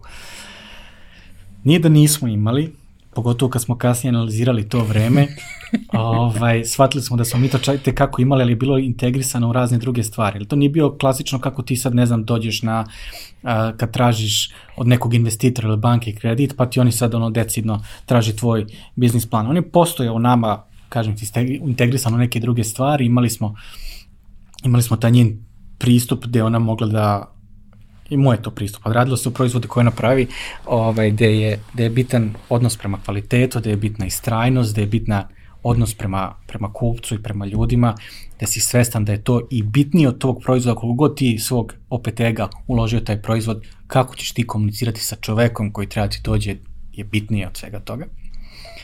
I onda se desio lokal i kao, kao zbir tih svih iskustava i promišljanja dobiješ utisak intuitivne odluke da je to to ja to jutro to njoj govorim, nije trebalo ni njoj puno da, da odluči. Ovaj, uh, I odlučili smo da prosto uskočimo u to sa jednim potpunim osjećajem neizdrža za ono što su, kako smo živjeli do sada. Znači, nije bilo pitanje da li je ovo bolje ili možda bolje da ipak otvorimo moj restoran pa će ljudi kupovati sendviče, prodaješ, znaš, na malo, ovaj, sendviče, nije bit, nisam teo baš sendvič koncept, nije bit, ali, ovaj, Znaš, šta, šta, bi bilo, šta bi bilo racionalnije? U redu je biti racionalan i sve to pro, ovaj, prožimati, razmišljati, promišljati, ali ne smiješ da zaboraviš ono, ona, ona neka stvar iz stomaka zbog koje si tu sve. Racio treba da ti to sve to artikuliše, da prepoznaš kako da to spustiš na zemlju, kako da sprovedeš. I, ovaj, I neke stvari koje ono kao treba ljudi da znaju, koje možda isto neki drugi ne bi, ne bi pričali. Lokal smo naši na oglasu grada To je mnogo niža kirija. I mislim da bismo i danas, uh, možda ne bismo danas sedeli ovde, možda smo sedeli za godinu dana, ali bismo danas bili jednako zadovoljni svojim životima da nije bilo takve beneficije. Našli bismo način da damo novi oblik tome. A, nismo imali dovoljno novca za opremanje lokala. Imali smo sreću da naše porodice to mogu jednim velikim delom da pomognu. I to nije velika, ovaj, i to nije bila neka cifra od koje se, ne znam, pada u nesvest. Bilo je, fokus je bio na tome da mi imamo kvalitetan proizvod i da treba da dočekamo ljude u jednom prostoru koji, za, koji, za čijeg izgleda ćemo mi stajati sa budžetom koji imamo. Ne mora da bude da izgleda ni kao Kopenhagen, ne mora da izgleda kao suvenirnica da bi ti pomislio kako je to ipak neka jeftina bagatela, ništa od toga ne, baš smo išli na taj ljudski moment kako se komunicira. Ako zanemarimo ogledalo, vrlo je sve bilo sve, svedeno. Ja bi se baš okolo to ogledalo. Kako ne? A ogledalo, Veliko je i okruglo. ogledalo je, ogledalo smo poneli novi prozor, tako da si duplo dobrodošao da, da, da to vidiš. Ali upravo je taj, hoću da kažem, upravo je taj moment da ti kad uđeš, nema previše svega, uh -huh. nego je to vrlo svedeno, a ono što vidiš su proizvodi. Uh -huh. To nije, nije napravljena namešte koji će da odlači pa, osim osim ogledala, ogledala, ogledala, jasno, ovaj, koji će da odlači pažnju od toga zbog čega su ljudi došli. Nije bila poenta o tome. Da, bio je onaj uh, veliki sto na kome se i, i, i radilo i proizvodilo i tako dalje. Tu su, tu su bile i, i uh, edukacije mm -hmm. koje se držala. Ali kao to nije nameštaj, to je mm -hmm. mesto za rad. Sredstvo za rad. Tako je. Ovaj, a ovo ostalo je sve zaista bilo vrlo svedeno sa uh, ciglama, sa svim ostalim nekim tu elementima, kako to sve zajedno deluje užasno komplikovano da napraviš nešto tako jednostavno. Ali tu postoji jedna stvar gde smo mi i, i, sa, i sa ovim novim prostorom, stvarno ideja je bila kao a, hoćemo da napravimo kuću Znaš, i gore je bilo uh, ne, ne, neki prostor koji ćemo mi obojiti određenom atmosferom.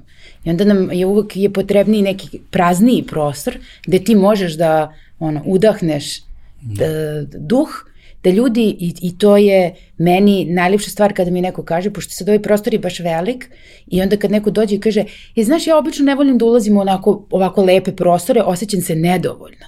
To je osjećaj koji svi vučemo od neka. Da. Ja o, iskužvana sam, neko će ne, neprijatno će me dočekati, međutim, uh, ono što jeste svako ko uđe kaže, jo, pa meni se ne ide odavde. Neko uđe se vrati kaže, mogu ja ovde da živim. Tako da smo malo upgradeovali. Jest. Ovaj. Jeste, jeste, to je lepo. E, a ja bih samo da dodam da tad kad smo odlučili da, da uđemo u lokal, znači ja nisam imala, ja sam držala časove engleskog. Da, da, Mi smo od toga živeli. Da. Imali smo bebu, to je devojčicu koja tad ima godinu i po dana. I on tada nije imao posao. Da. Znači, sedimo, ja držim časove engleskog, mi od toga živimo. I tada bi u tom trenutku najlogičnija stvar bila, najracionalnija da ja otvorim školu jezika. Ne tipičnu školu, ja sam imala ideju, koncept tailor-made rada, ovaj, i možda bi nam to čak donelo kao mnogo veći, ne znam, finansijski uspeh, ali a, nismo razmišljali na taj način racionalno. A e, onda smo rekli, ok, ali ovaj prostor nam je strava zato što a, smo stavili veliku zavesu, pa ja tu mogu da držim i časove engleskog dok radim tu, pa možda se nekome, a, možda se nekome i dopadne ovo što ja radim. da. Ali bukvalno je tako bilo. I onda smo ušli u sve to sa, sa malim detetom i zašto to ovaj, govorim? Zato što mislim da je kad imaš želju sve moguće. Znaš, dovedeš dete tu, ona je tu sa nama. Mislim, ona će bude kao onaj uh, uh, iz, um, uh, tamo iz Kralja Petra, onaj Sava što uh -huh. pravi parfeme.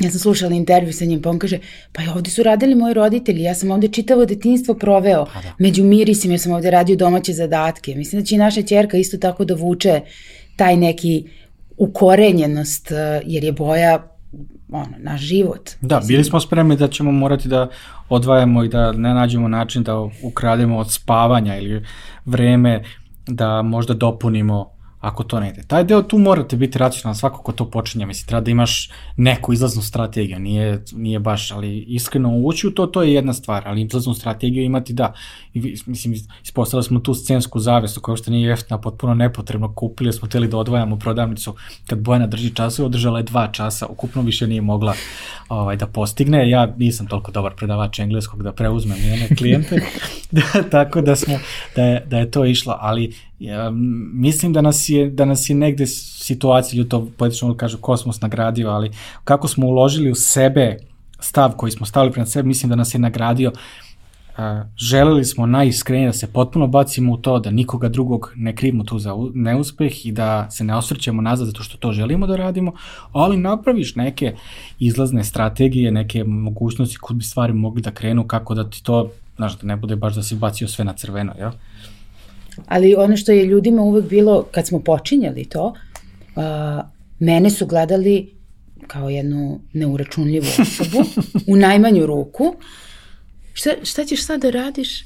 Aha, baviš se porcelanom.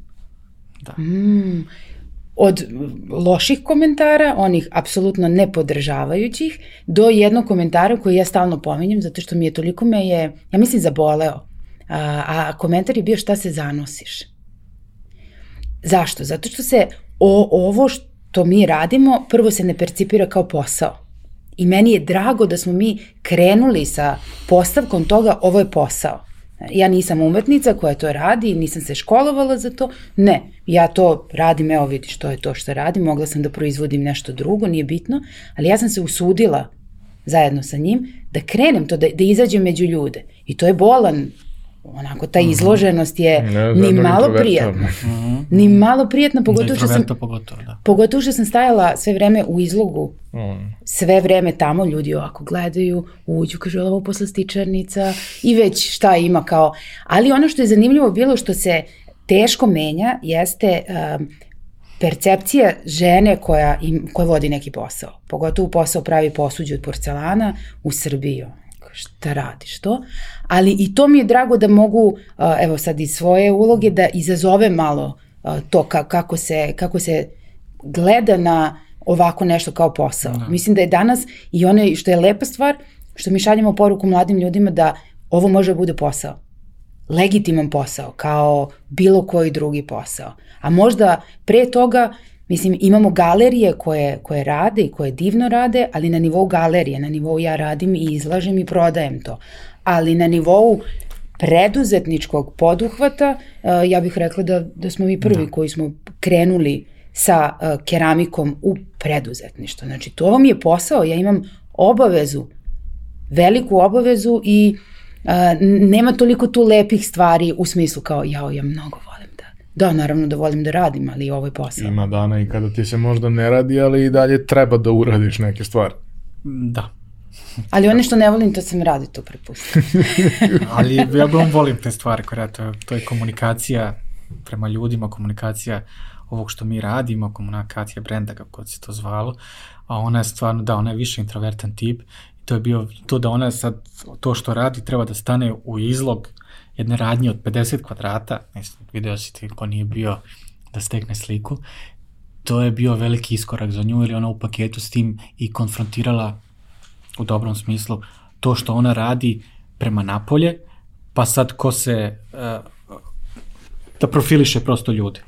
Ovaj, ispo, ispo, iz početka sam, ono, prvi zadatak je bio, bio da, na, da napadnem neku njenu odluku, stvar da je ohrabrim, da ne radi neke stvari koje su možda trend. Da na ručnom radu nije mesto ispisima. Znate, mm -hmm. ovaj, ali vi možete da kažete ja to neću da radim, ali morate da imate jedno ljudsko objašnjenje pred sobom i tim ljudima zašto to ne želite da radite. Inače, pada neku sujetu. E, to je bilo to mesto gde se gde razvijamo zajedno brend, gde, gde, gde, gde shvatamo, shvatamo šta ćemo zajedno da radimo i na tom mom prvom ohrabrenju nastaće sve ovo što kasnije ja posle radim, ta neka priča koju pričam, iz koje ja dobijam informacije šta, šta mi je, šta mi je dalje činiti i zajedno s njom. Da. Ali to je zanimljivo zato što ovaj, on se stalno vraća na te ispise, ali to je ključna stvar bila zato što uh, ja sam imala ogroman strah da ćemo, da, mislim, da će sve da propadne i da kao mi sa sve detetom šta ćemo da radimo. Imate lep lokal. Da, pa mislim, znaš, šta, šta, šta da radim sa Iznajemo, iznajmemo, iznajmemo ogledalo. Da. Kada nam se povremeno jave ljudi koji bi želi da im se uradi nešto po gotovom dizajnu, nemam vremena, a nisam siguran da su oni raspoloženi da im ja sad detaljno objašnjavam zašto, ali jednu rečenicu koju smo ustanovili, izvinite, ne radimo po gotovom dizajnu, nije pošteno ni prema vama, ni prema nama. I to je negde gde, gde treba uh, de, jedan deo koji za, čini, pravi našu zaštitu od spoljnog sveta, filter prema onome šta mi želimo da budemo, ali od nas traži da preuzmemo jednu odgovornost za kvalitet, da ono što mi radimo, da imamo šta da kažemo. Eto, to je neka. A, kako je cela priča marketirana od starta? Ti si već imala da kažemo, neku vidljivost kroz mreže, profil, ali to nije, nije dovoljno za, nije za neku ozbiljniju priču. Mislim, da. Da, mislim, ja sam, kao ljudi se sećaju kad su dolazili ovaj, u, u Budimsku, stan jednog našeg prijatelja, da sam ja radila male pop-upove. Zato što sam e, prosto htela to da pokažem ljudima i bilo je interesovanje. I ne znam, možda bio kao Instagram, Facebook, ali to je bilo ništa a, do trenutka dok kad nismo ušli u lokal i dok nismo krenuli da komuniciramo jako dobrim fotografijama uh -huh. proizvoda koje sam ja unapredila dobrano o, u, on, u odnosu kako je to pre izgledalo, prosto sam a, krenula da aktivnije radim na kvalitetu proizvoda. I to je bio moj deo. A ostatak da. je... A pa je dobro, ali postoji marketing istorija i, i, i od ranije. Mislim, više smo zajedno, ako se sjećaš, mode za ponet, ja verujem da to sad zbog korone nema, ali da će da će se nastaviti, da oni nisu odustali od toga. Bazari. Tako je. Stvari. Mislim, a, prvo što smo tu, opipaš prosto. Mislim, nikad tu niko, ja mislim, nije zaradio nešto. Oni postoje radi izlaska u sve, da bi se mm. zabavili, zbog čega postoje vašari, da se svi skupimo, jel?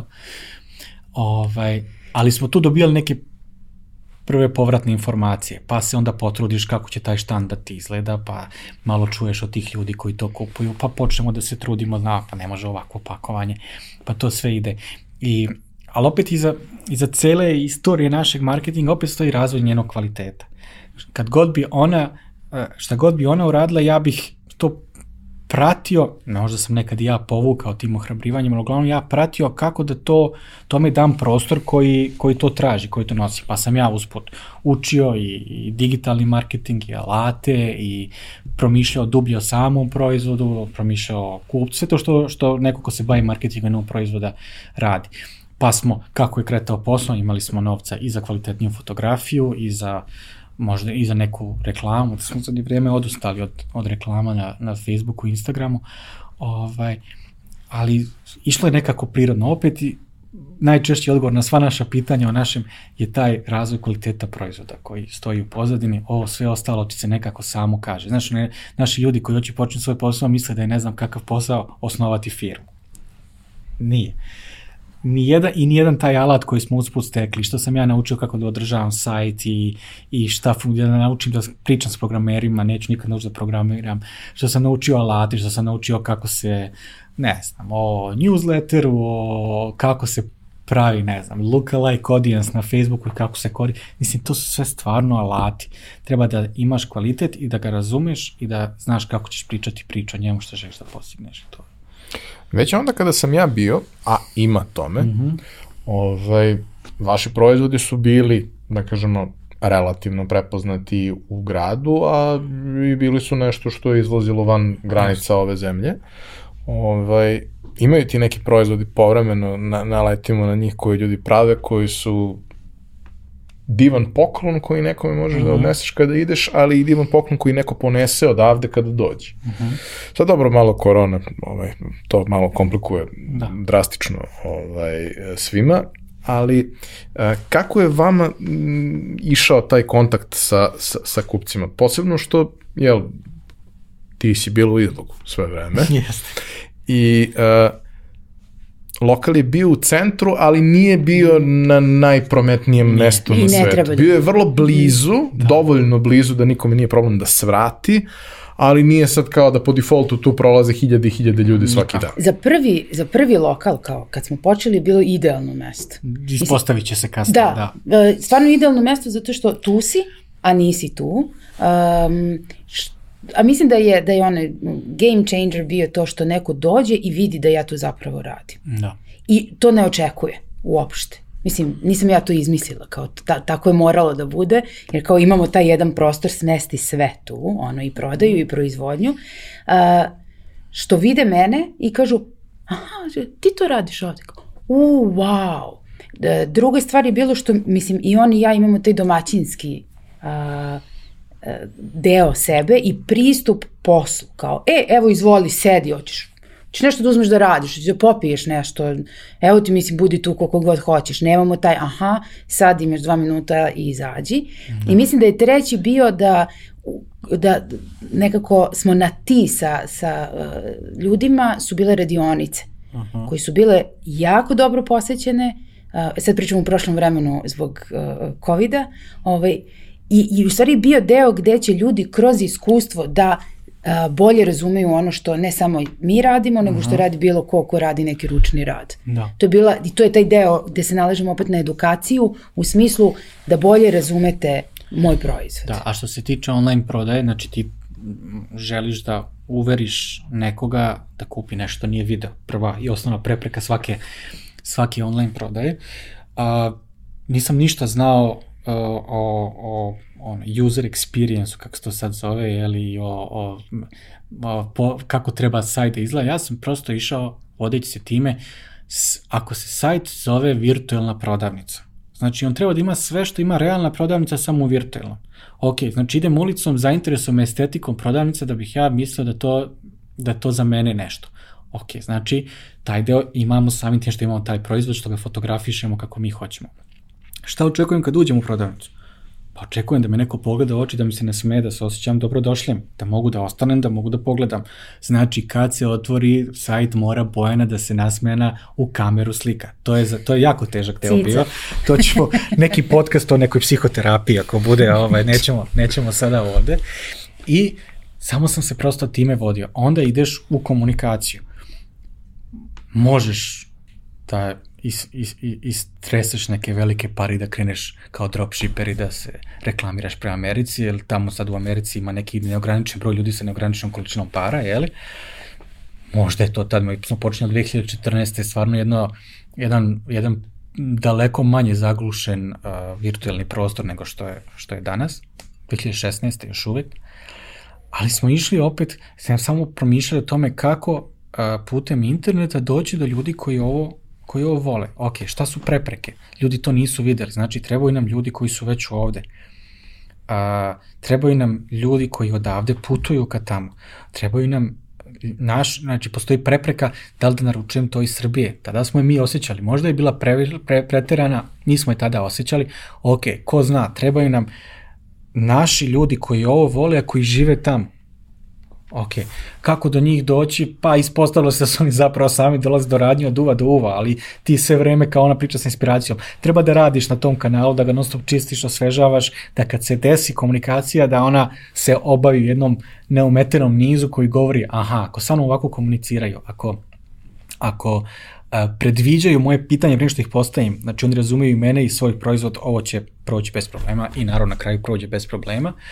I da, naši ljudi koji žive u inostranstvu su bili prvi ambasadori toga. To su uglavnom naši obrazovani ljudi, naši ljudi koji tamo su otišli zato što su imali nekog izbora. To je takav, ta, i mi smo proizvod koji malo ipak bolje komunicira s tim ljudima i koji su imali svoje prijatelje među lokalcima, koji su možda te prijatelji doveli ili nisu i sad se dalje ta, ta jedno pleme gaji nekim već organski onako jedina zajednička stvar između svih njih je to što im se svida to što mi radimo.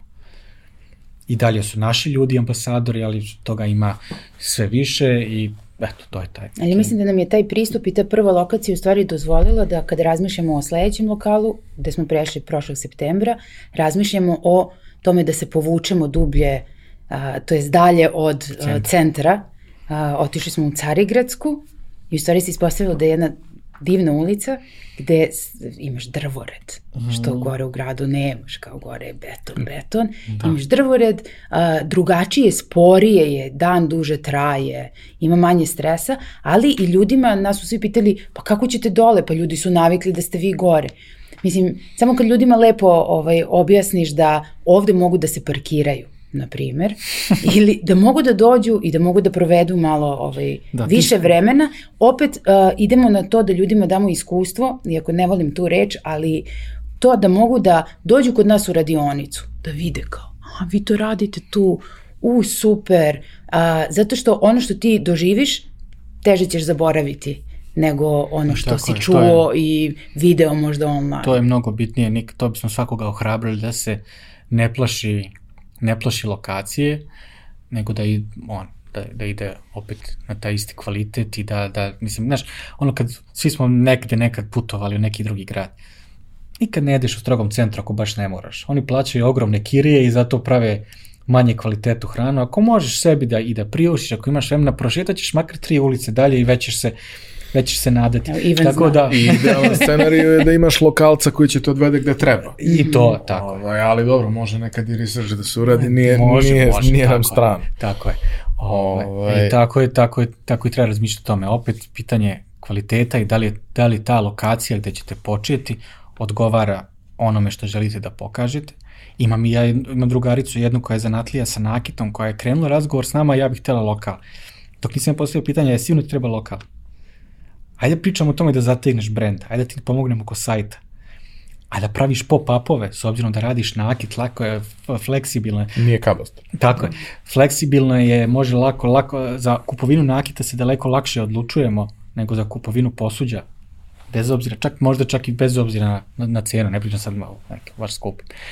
Tako da, ovaj, opet svakoga ohrabrujemo da promišlja iz sebe. Nama je drago što nam je prvi lokal bio u Zetskoj ulici koja je tada bila ljudi su se na divlje parkirali, bilo je jedna rasveta u celoj ulici od 250 metara, znači stvarno je ono, po, po svim parametrima svako bi nam rekao onim racionalno, pa nemojte to da radite. I sad nam je jako drago, bez straha smo, čak nam je drago što prelazi, što smo prešli dalje, prešli smo i u veći prozor, to takođe pomaže u odluci, ali ne, nije, nije, nije, nije presudna, ovaj, nije toliko presudna lokacija kada napravite neku priču i napravite taj iskorak i krenete i to krene da daje neke rezultate. u startu skromnije, pa bolje, pa, pa vi počnete da provaljujete šta još po, pomaže, da kažemo, te rezultate. Ovaj, krene da raste priča i razvija se i u vašem slučaju došli ste do drugog lokala koji izgleda na slikama nestvarno, ali do, doći Uživo je ću. još lepši. Doći ću, Da. doći ću, dobro. ovaj, ali, uh, koji su ti neki ključni trenuci u, u, u, u razvoju koje sada sa ove distance kada, kada gledate unazad primećujete kao ne, e kad se desilo to skapirali smo da je stvar, da stvar ima smisla, kad se desilo to shvatili smo da sad već ozbiljno kad se desilo to, shvatili smo treba da tražimo veći prostor. Kao, koji su ti neki milestone-ovi koji su se dešavali? Da. Rekla si ti ti da ste probali svašta i da su neke stvari poletele, neke nisu. A, ali prosto koje su te neke ključne stvari koje su se dešavale, koje su vama bile indikatori, e sad, ide. Ja bih rekla da svaki put kad smo, ja vidim dve, dva scenarija, svaki put kad smo uložili ponovo u brand, Mhm. znači sav taj novac koji smo zaradili kroz prodaju, nismo, ne znam, se zezali, nego smo sve to vratili ponovo u firmu, u smislu hajde da uradimo dobar branding, hajde, mi na početku nismo dugo imali pakovanje kako treba, ali to je to, kao kad se useliš u novi stan, pa ti nemaš sve odjednom, nego, e tako smo i mi sa Da. firmom. Da. Svakih, svaki godinu dana nešto veliko uradiš. Ja bih da, rekla, da ohrabrimo mlade koji bi sad razmišljali pa kao ne mogu nikad stići do boja porcelana. Pre samo pet godina kad smo počinjali, ja sam svraćao u knjižaru koja mi je usput da kupim neki papir u boji i da smo to tako zamotavali, nismo ni nalepnicu često imali i u kese koje uopšte nisu bile brendirane. Nema problema. Ali to, nema ali, problema. ali ljudi vide, znaš, ja, ja znam kako sam ja to pakovala, znam s kojom pažnjom je sve to bilo da izgleda kako, ja mislim da to treba da izgleda u tim um, granicama, tih Da. uh, resursa koje imamo. Znači svaki put kad smo vratili u firmu i napravili taj dobro pakovanje, branding, uh, uh, nove materijale, to je jedna strana, a druga strana je kad god smo, ja bih stvarno rekla, bili apsolutno iskreni prema sebi, šta to radimo, kako to radimo i kako komuniciramo sa ljudima. To je, na primjer, se najviše pokazivalo kroz velike setove, uh, custom made za porodice. To su najlepše u stvari priče. Mi sedimo, pričamo, zajedno radimo sa njima na nečemu što zapravo njima ne treba. To je najzanimljivije. Nije im neophodno. E, Tako je, da, tako je, da. nije im neophodno, znači možeš bilo koje tanjire da imaš i to. Oni su se odlučili za nas. I ja znam koliko, sa kolikim poštovanjem ulazimo u svaki taj proces tog da. custom made-a. Uh, I posle toga smo uvek odskakali. To su neki, ne znam, energetski skok, skokovi, hajde tako kažeš. Znači to oni kupuju od nas set za 6, za 8, za 10 ljudi. To je nešto što je uh, što ima neku svoju vrednost koju oseti svako kod njih kod kupuje, bez obzira na sve, i koji će zauzeti mnogo prostora. A u sve to mi dodajemo da im to zaista postane intiman proizvod. I tu je, to je ovaj, kad je, kad je, kad je to, kad je to, poč, kad, kad te stvari počeli da se dešavaju, s- mnoge druge stvari su krenule raznim smerovima, dobrim i počelo da se to multiplicira i da tad je krenulo u smeru da mi danas imamo i, i ovaj, troje zaposlenih i, i da, da se ljudi usuđuju da opuštenije razgovaraju sa Bojanom o svemu tome, da maštaju, a ona im je odgovorila ne autoritetom, verujte mi šta god ja smislim bit će super, nego ona njima dopušta da joj pomeraju granice. I u, u, u dizajnu naših proizvoda se desio veliki skok kad su počele te poručbine, jer svaka poručbina za set je donela e, njena testiranja, eksperimentisanja koje su doneli nove kolekcije koje su bile naprednije i bolje od, od prethodnih. I ja mislim da je taj početak prvih poručbina setova za ručavanje za porodice bio jedan Ali ima još jedna stvar, Da. što kroz posao, mislim, i, i, ja, i mi smo na testu svakodnevno, kao šta želiš i šta ne želiš da radiš.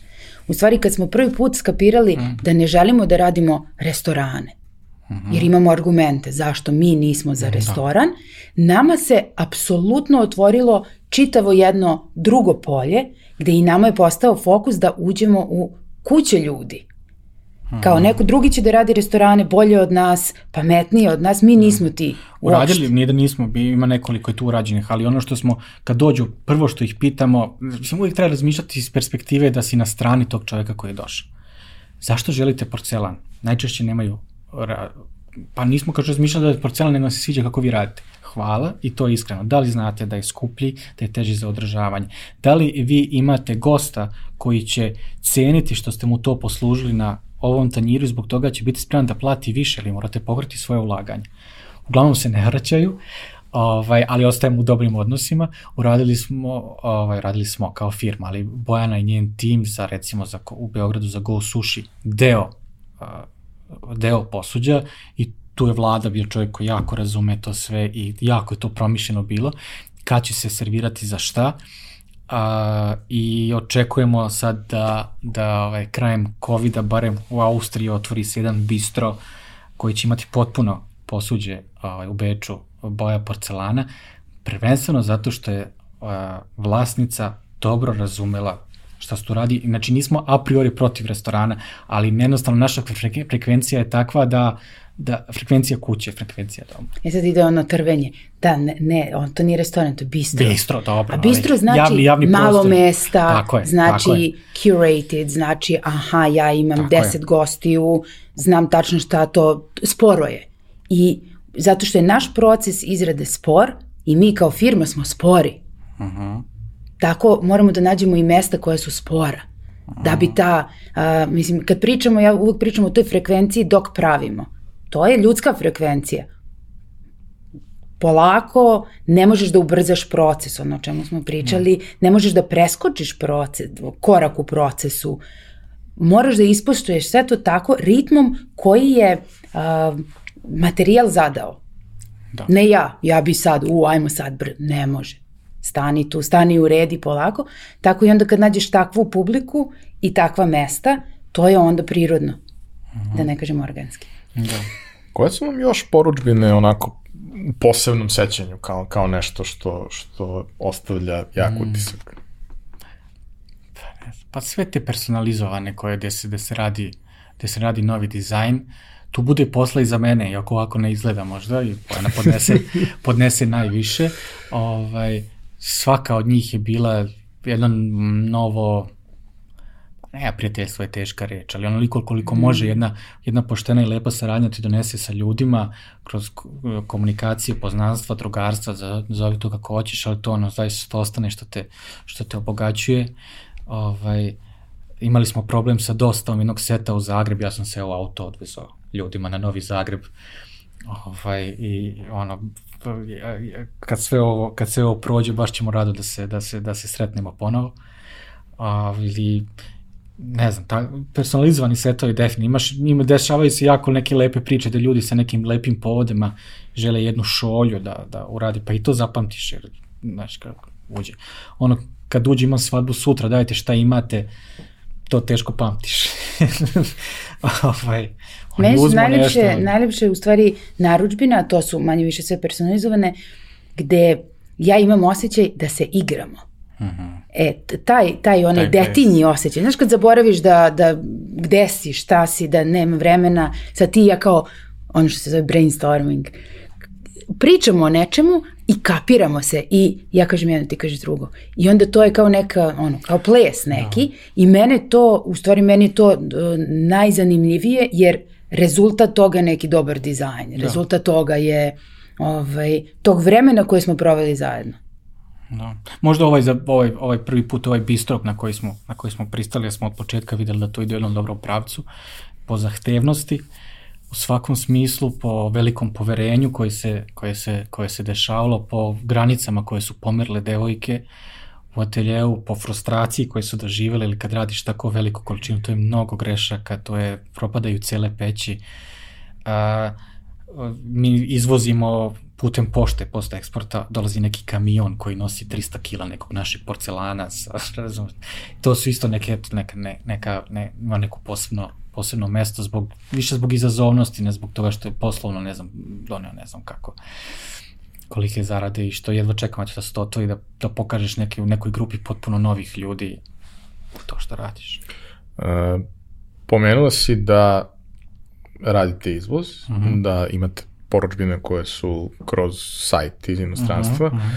a imate proizvode koji su u najmanju ruku ne baš jednostavni za slanje, uh -huh. a slanje jeste ono što je za mnoge ljude ovde koji razmišljaju o, o nekoj vrsti biznisa koja ima potencijal globalni, uh -huh ko pravi digitalni proizvod, njemu je sve jedno, naravno, da. ali ima ljudi koji prave fizičke proizvode, pa imaju i ograničenja koje fizički proizvodi nose. Uh, kako u vašem slučaju izgledala uopšte priča sa, sa, sa izvozom i slanjem i ono, mm. čega ste krenuli i šta ste skapirali da su izazovi problemi, jer kao, ok, pređe pola sveta i ako je oštećeno, nema da. baš neku poentu. Tako je.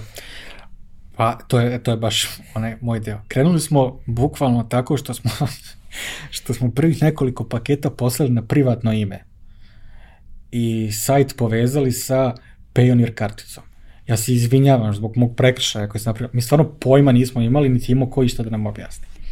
Ali kad si iskreno zainteresovan da saznaš da stvari ureš kako treba, neko dođe pa ti nešto kaže. Ja sad ne sjećam se ko nam je ko nam je prvi rekao za, za post-eksport, već smo imali registrovanu firmu, sve to, ali ja za taj izvoz uopšte nisam znao kako to funkcioniše. I onda znaš kao, ako si imao, to je jedna od od tema koji Srbi bolje znaju od futbala, kad pitaš da li nešto može ovako da se uradi, da se naplati, nešto što uključuje banku, poreze, i tu šta ćeš da čuješ, to, to, je, to je strašno. Ovaj, dosta znači što je na, jedan tvoj bivši gostio Milan Trbović pokrenuo grupu na Facebooku gde je okupio knjigovođe koji onako lepo argumentovano zapuše razne usta i objasne lepo kako to. E, to tad isto takođe nije postojalo. Znači, saznali smo za post-eksport, uh, kao jedno, jedan odličan program. Mi smo manje, kroz to znamo šta se, kroz šta prolaze naši kolege, pogotovo u regionu, to Slovenija, Hrvatska, po te poštare po kojima mi izvozimo, to je stvarno zove subvencija. To je stvarno jedno. Ovaj, ovaj, upoznao si me sa ovim e, Duvelo.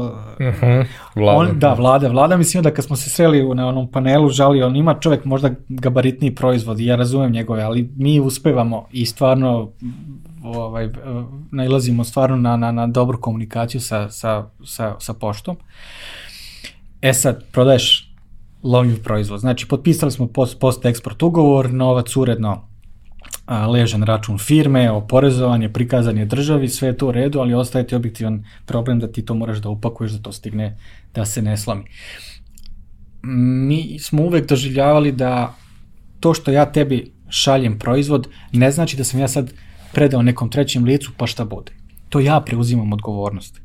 To što ne mogu fizički da te donesem u Stokholm, u Zagreb, to tu ću prepreku ja. Da, u Zagreb možeš. Ali. Da, to se dešavalo, ali ne mogu baš jednu šolju da vozim. Ovo sam spojio sa, sa nekom nabavkom materijala za firmu. I ovaj, ja preuzimam odgovornost. To je ono zbog čega, zbog čega stavljamo naš brendirani selotejp na, na, na kutiju. To ti ja poručujem da ti ja garantujem da će ti ovo stići. Na tom putu može se desiti da zbog nečeg što je radila carina, pošta, radnik na pošti na aerodromu se polupa istog momenta verujem da se mora čoveku ponuditi puna refundacija ili slanje, a ja ću posle da da to rešavam. E, a da ne bi dolazio u tu situaciju, istražiš prosto koji su materijali dostupni za pakovanje, kako se uh, sigurno i bezbedno pakuje ovaj, keramika. Evo, prošle nedelje napokon napuštamo pod sketavi papir, uspeli smo da uvezemo neki ekološki onaj honeycomb, kako se zove, uh mhm. -huh. sa, saće, jeli, uh mhm. -huh. i to je lepše izgleda i sve i prolazimo polako prema zelenom, ali mnogo je bitnije da smo mi od početka imali nešto iza čega mi stojimo da je kvalitetno i ne znam poštom šta je najveće 36 tanjira za New York da se nijedan nije, da se nijedan nije razbio. Ali svaki put kad se pakuje to, to je uh, svojevrstan stres. Zato što se sve drugo ostavlja da. i onda kreće jedno, to satima traje pakovanje, da onda pipneš gde, gde šta, da li si to dobro zapakao i naravno iz svakog iskustva učiš kako da upgradeuješ. Nije baš satima, ali moraš da se, pa da se izvini, posvetiš tome. sve što smo veliko slali, no, to ne. se pakuje i to, je, to, i to su velike da. velike dimenzije nečega što zapravo uopšte nije veliko. Da, i to je nešto što bi se, što se možda čini mi se često dešava kao greška. Ja sam se posvetio da napravim sve svoj divan proizvod pa zar ja sad moram da se maltretiram sa ovim pakovanjem? Da, Moraš. to je, znači, pustio sam tvom egu da se razigra i da napravi nešto lepo, ajmo sad da ga izbalansiramo, sad ćeš se baviš papirima, kartonima i selotepima. Jednako posvećeno kao, kao, kao što se, što se ovo ne bavi. Vidi, ja sam u par navrata imao te situacije, ne, nažalost, dovoljno često u životu, ali povremeno da, da kupujem određene proizvode određenih brendova sa jabukom ovaj, nove. I uh, prošli put kad sam to kupio, uh, bila je tadašnja devojka sa mnom i ja sam samo doneo ovako kutiju i rekao, evo ti otvori. Pa što? Samo otvori. Znači, ono, kad otvoriš jednom tu kutiju, bit ćeš u fazonu ovo vredi svaki dinar koji košta. Mm. Iako košta suludo i ne vredi, mm. nije važno. Ali kao, ne možeš da imaš vanserijski proizvod koji je spakovan bez veze. Možeš, ali onda degradiraš proizvod time. Malo E, je ali- To je poruka. Jeste, ali imaš i to da, da ti treba zap, zapravo dugo vremena da uh, ako, ako sve radimo sami, a manje više sve radimo sami, svaki deo posla od pravljenja, pakovanja, uh, slanja, da uh, treba ti u stvari dugo vremena da dođeš do toga da imaš tu, jer nemaš nikad toliko novca koji ćeš sad da uh, uložiš u samo jedan segment, nego to se nekako balansira, mm.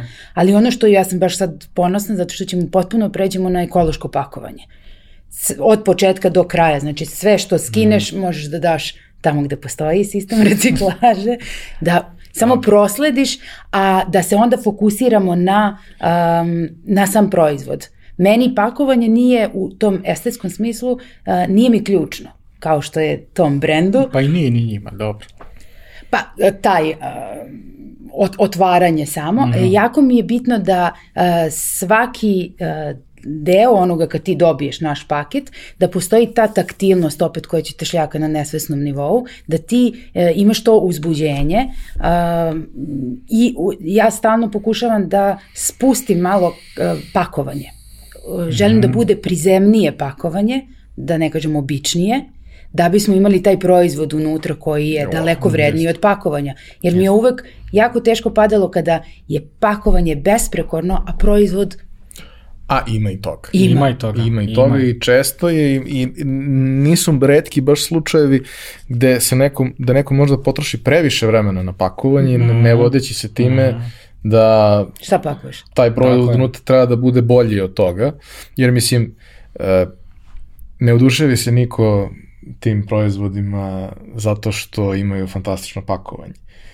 Celo to iskustvo do trenutka dok ti ne podigneš ekran mm -hmm. vidiš sve, sve je fantastično, pa onda bilo bi glupo da pakovanje mm -hmm. ne prati to. Tako je. I onaj, ne znam, mm -hmm. papir, onaj pausu koji je zamotan, kao ja čuvam to, sam malo oštećen čovjek. Ali Ne, ali stvarno to je svi taj rade. moment, znaš, kao stvarno dobiješ nešto i kao imaš unutra, dobiješ e, dve nalepnice. I kao ima ljudi koji skupljaju te nalepnice. Kao možeš bilo gde da odeš da napraviš na kateru ti napravi, mm -hmm. ne, nije to isto. Mm -hmm. Znaš, o svemu su mislili i sve je urađeno kako treba. I mnogo ljudi koji su napravili i ovde sa svojim brendovima neke lepe priče u različitim industrijama, da li su ono, dečko car, majice, mm -hmm. da li nešto. Nemaju oni pakovanje koje košta četiri puta više od proizvoda. tako je. Oni imaju pakovanje koje je u skladu sa proizvodom. E to je, to je ključno da bude taman. U skladu. Sad radimo, spremamo redizajn našeg, našeg materijala i našli smo baš ovaj, jedva, svaki petak jedva čekam kad imamo sastanke sa, sa našom ovaj, novom dizajnerkom. Ovaj, I onda smo pričali o kesi i ono što smo, što smo se oboje složili, a, ja bih ti najradije spakovao naš proizvod u kesu koja će ti samo pomoći da ti to preneseš sigurno i bezbedno. A logo dodajem samo zato što se ne stidim toga što je u kesi.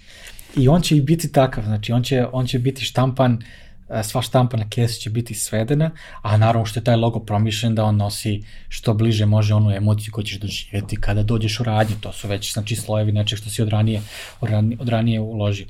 I opet isto se svodi kvalitetan proizvod, a sve ti se ostalo samo kaže i saradnici se ukažu i pa da ne preterujem, ali sami dođu kako to treba da uradiš, s kim treba da uradiš, kako to treba da izgleda.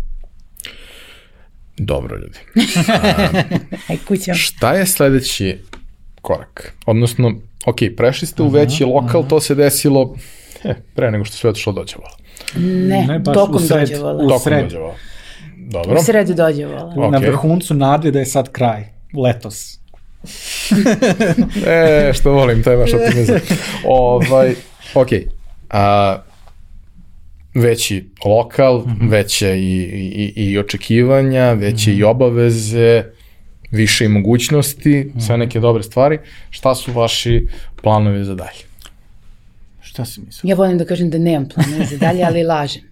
Uh, pa osim tog redizajna koji radimo čitav vizualni identitet novi, zato što smo porasli u odnosu na tamo gde smo bili pre pet godina. Um, ja nameravam da idem i dalje da, da radim i da ne odustajem od toga, ali da a, bih htela da to pričam, ali mi ova korona uopšte ne dozvoljava da to sprovedemo u delo, tako da ispada kao da samo pričam. A, htela bih malo da pričam sa mladim ljudima. To mi je sada, već dugo imam tu potrebu, jer zašto? Zato što mladi ljudi dolaze kod nas da pričaju sa nama. I meni je to uvek mi, ljudi daju informaciju šta bi trebalo sledeće da, da radimo. Zanimljivi su mi mladi ljudi pre fakulteta. Znači, to su one poslednje godine srednje škole, gde ja bih rekla malo ko priča sa njima. Malo ko ih sluša, to smo se složili. Da, malo ko ih malo sluša. Ko... Uh, htela bih samo da podelimo na, našu priču, da podelimo priču uh, u neformalnom, nemamo nikakvu formu, nemamo nikakve sponzor, ništa, nego kao sedimo ovako, pijemo kafu i pričamo kao, samo da im pokažemo da postoje mogućnosti. Mogućnosti koje ne moraju nužno da uključe fakultet, na primer. Mogućnosti koje ti nudi sam internet, jer imam neku, neku suludu uh, impresiju da, da mladi uopšte ne koriste internet uh, onoliko koliko, koji potencijal on ima, da nama neko Sigurno. iz Singapura da. naruči uh, pa da. proizvode ili iz ne znam, mi smo generacija koja doživjela, koja doživjela pojavu interneta i imam utisak da smo mi se ono celim svojim bićem bacili na to, a oni kojima je tu prisutno od, od, od samog rođenja malo to ne shvataju koliko je to, ne mora uopšte da znači. Ali da, hoćemo da im pričamo o svemu tome, ali hoćemo da inicijativa krene od njih, šta bi to oni nas pitali, znači kako oni to da, da, da slože, pošto se -hmm. ono, banalno rečeno, mozak se menja. Oni, oni razmišljaju na jedan drugi način i sve je teža komunikacija. Znači, hoćemo da slušamo njihove problema, da im uzvratimo kako god budemo mogli. Ali mislim da imam pritom za strateški, gde vidim kako u kom pravcu idemo. Ne, ovo je potpuno okej. Okay. Pa ne da. znam, meni je ovo strateški, zato Jest. što komuniciramo sa mladim ljudima koji, koji će u stvari nositi sledeći neki talas nekih novih stvari. Da. Imamo, imamo, imamo već, već sad stabilan tim od naše tri saradnice. Jana Goga Sara. I ovaj, ali nemamo nam, ne vidimo, izvin, ne vidimo sebe da ćemo otvarati sad, ne znam, industrijsku liniju naspram premium artizan linije. Što je jedan od legitimnih pravaca kad, kojim, kojim idu ovako. A, više bismo voleli, a bit ćemo i fleksibilni kako vreme bude dolazilo, neće jedno biti fleksibilni prema tome da ne izdamo sebe, više bismo voleli da one izrastu u nekakve da daju svoj kreativni doprinos, sve smo bliže tome, pa možda neku kreativnu kreativnu direkciju, neke oni svoje mikrotimove. Autorski neki moment. Mm -hmm. Da, da, da, da. Mislim, e, sad je, pro, prolazimo, one su s nama u rasponu od dve i po do godinu dana, je li tako? Manje. I manje. Ovaj, I prostoji obostrani period adaptacije. Znači, nešto, nešto nalik roditeljstvu, samo ne smiješ baš da se ponašaš kao roditelj, malo je preterano, pa je možda u nekim momentima i teže, da oni prepoznaju šta smo mi, da to nadograde, a da u tom procesu njihovog shvatanja mi njih ne, ne povredimo, njihov izraz ne oštetimo. I to je jedan proces za koji prosto treba vreme i kontinuitet dobre energije unutar firme, mislim da je za sada imamo, pa da oni možda izrastu u neke, kažem, kreativne direktore, neke pod timove koji će se fokusirati na nešto, da će imati jedan veliki prostor da, da iznesu neku estetiku, pošto su već, već poznaju šta znači boje, i da to može, može posle da se kad, ne znam, kom pracima se može da se širi. Dakle, ne bismo išli, ne, ne bismo volili da idemo ka masovnoj proizvodnji, volili smo ovaj zanatski pristup i nek se, nek se širi koliko god može, dokle god su svi oni koji čine tim zadovoljni i, i srećni tu šta, šta se dešava. Dobro, ja se nadam da će konačno ovo zlo da prođe, pa da će moći malo da se uživa i u druženju i u prostorima i u svim tim nekim stvarima kojih smo prilično uskraćeni već godinu dana. Nama što da. volimo kafanu to predstavlja priličan problem, ali dobro, bože moj. Ovaj, hvala vam što ste podelili priču, nadam se da ćete inspirisati nekog mladog i nekog ko možda nije toliko mlad, ali imate neke želje koje nikako da artikuliše mm -hmm. i mhm. usmeri. Ovaj, hvala što ste pokazali da je to moguće, iako to nije baš uobičajeno i nije baš uvek uh, uh, onaj put kojim se češće ide, da može i na malo drugačiji način da se dođe do rezultata ako si ti taj, i ako si posvećen, i ako ti je stalo i ako si predan tome svemu. A, hvala vam svima što ste nas slušali i gledali. Hvala našim prijateljima iz Epsona što, što nas podržavaju. To je bilo to. Čujemo se, vidimo se ponovo sledeće nedelje. Hvala.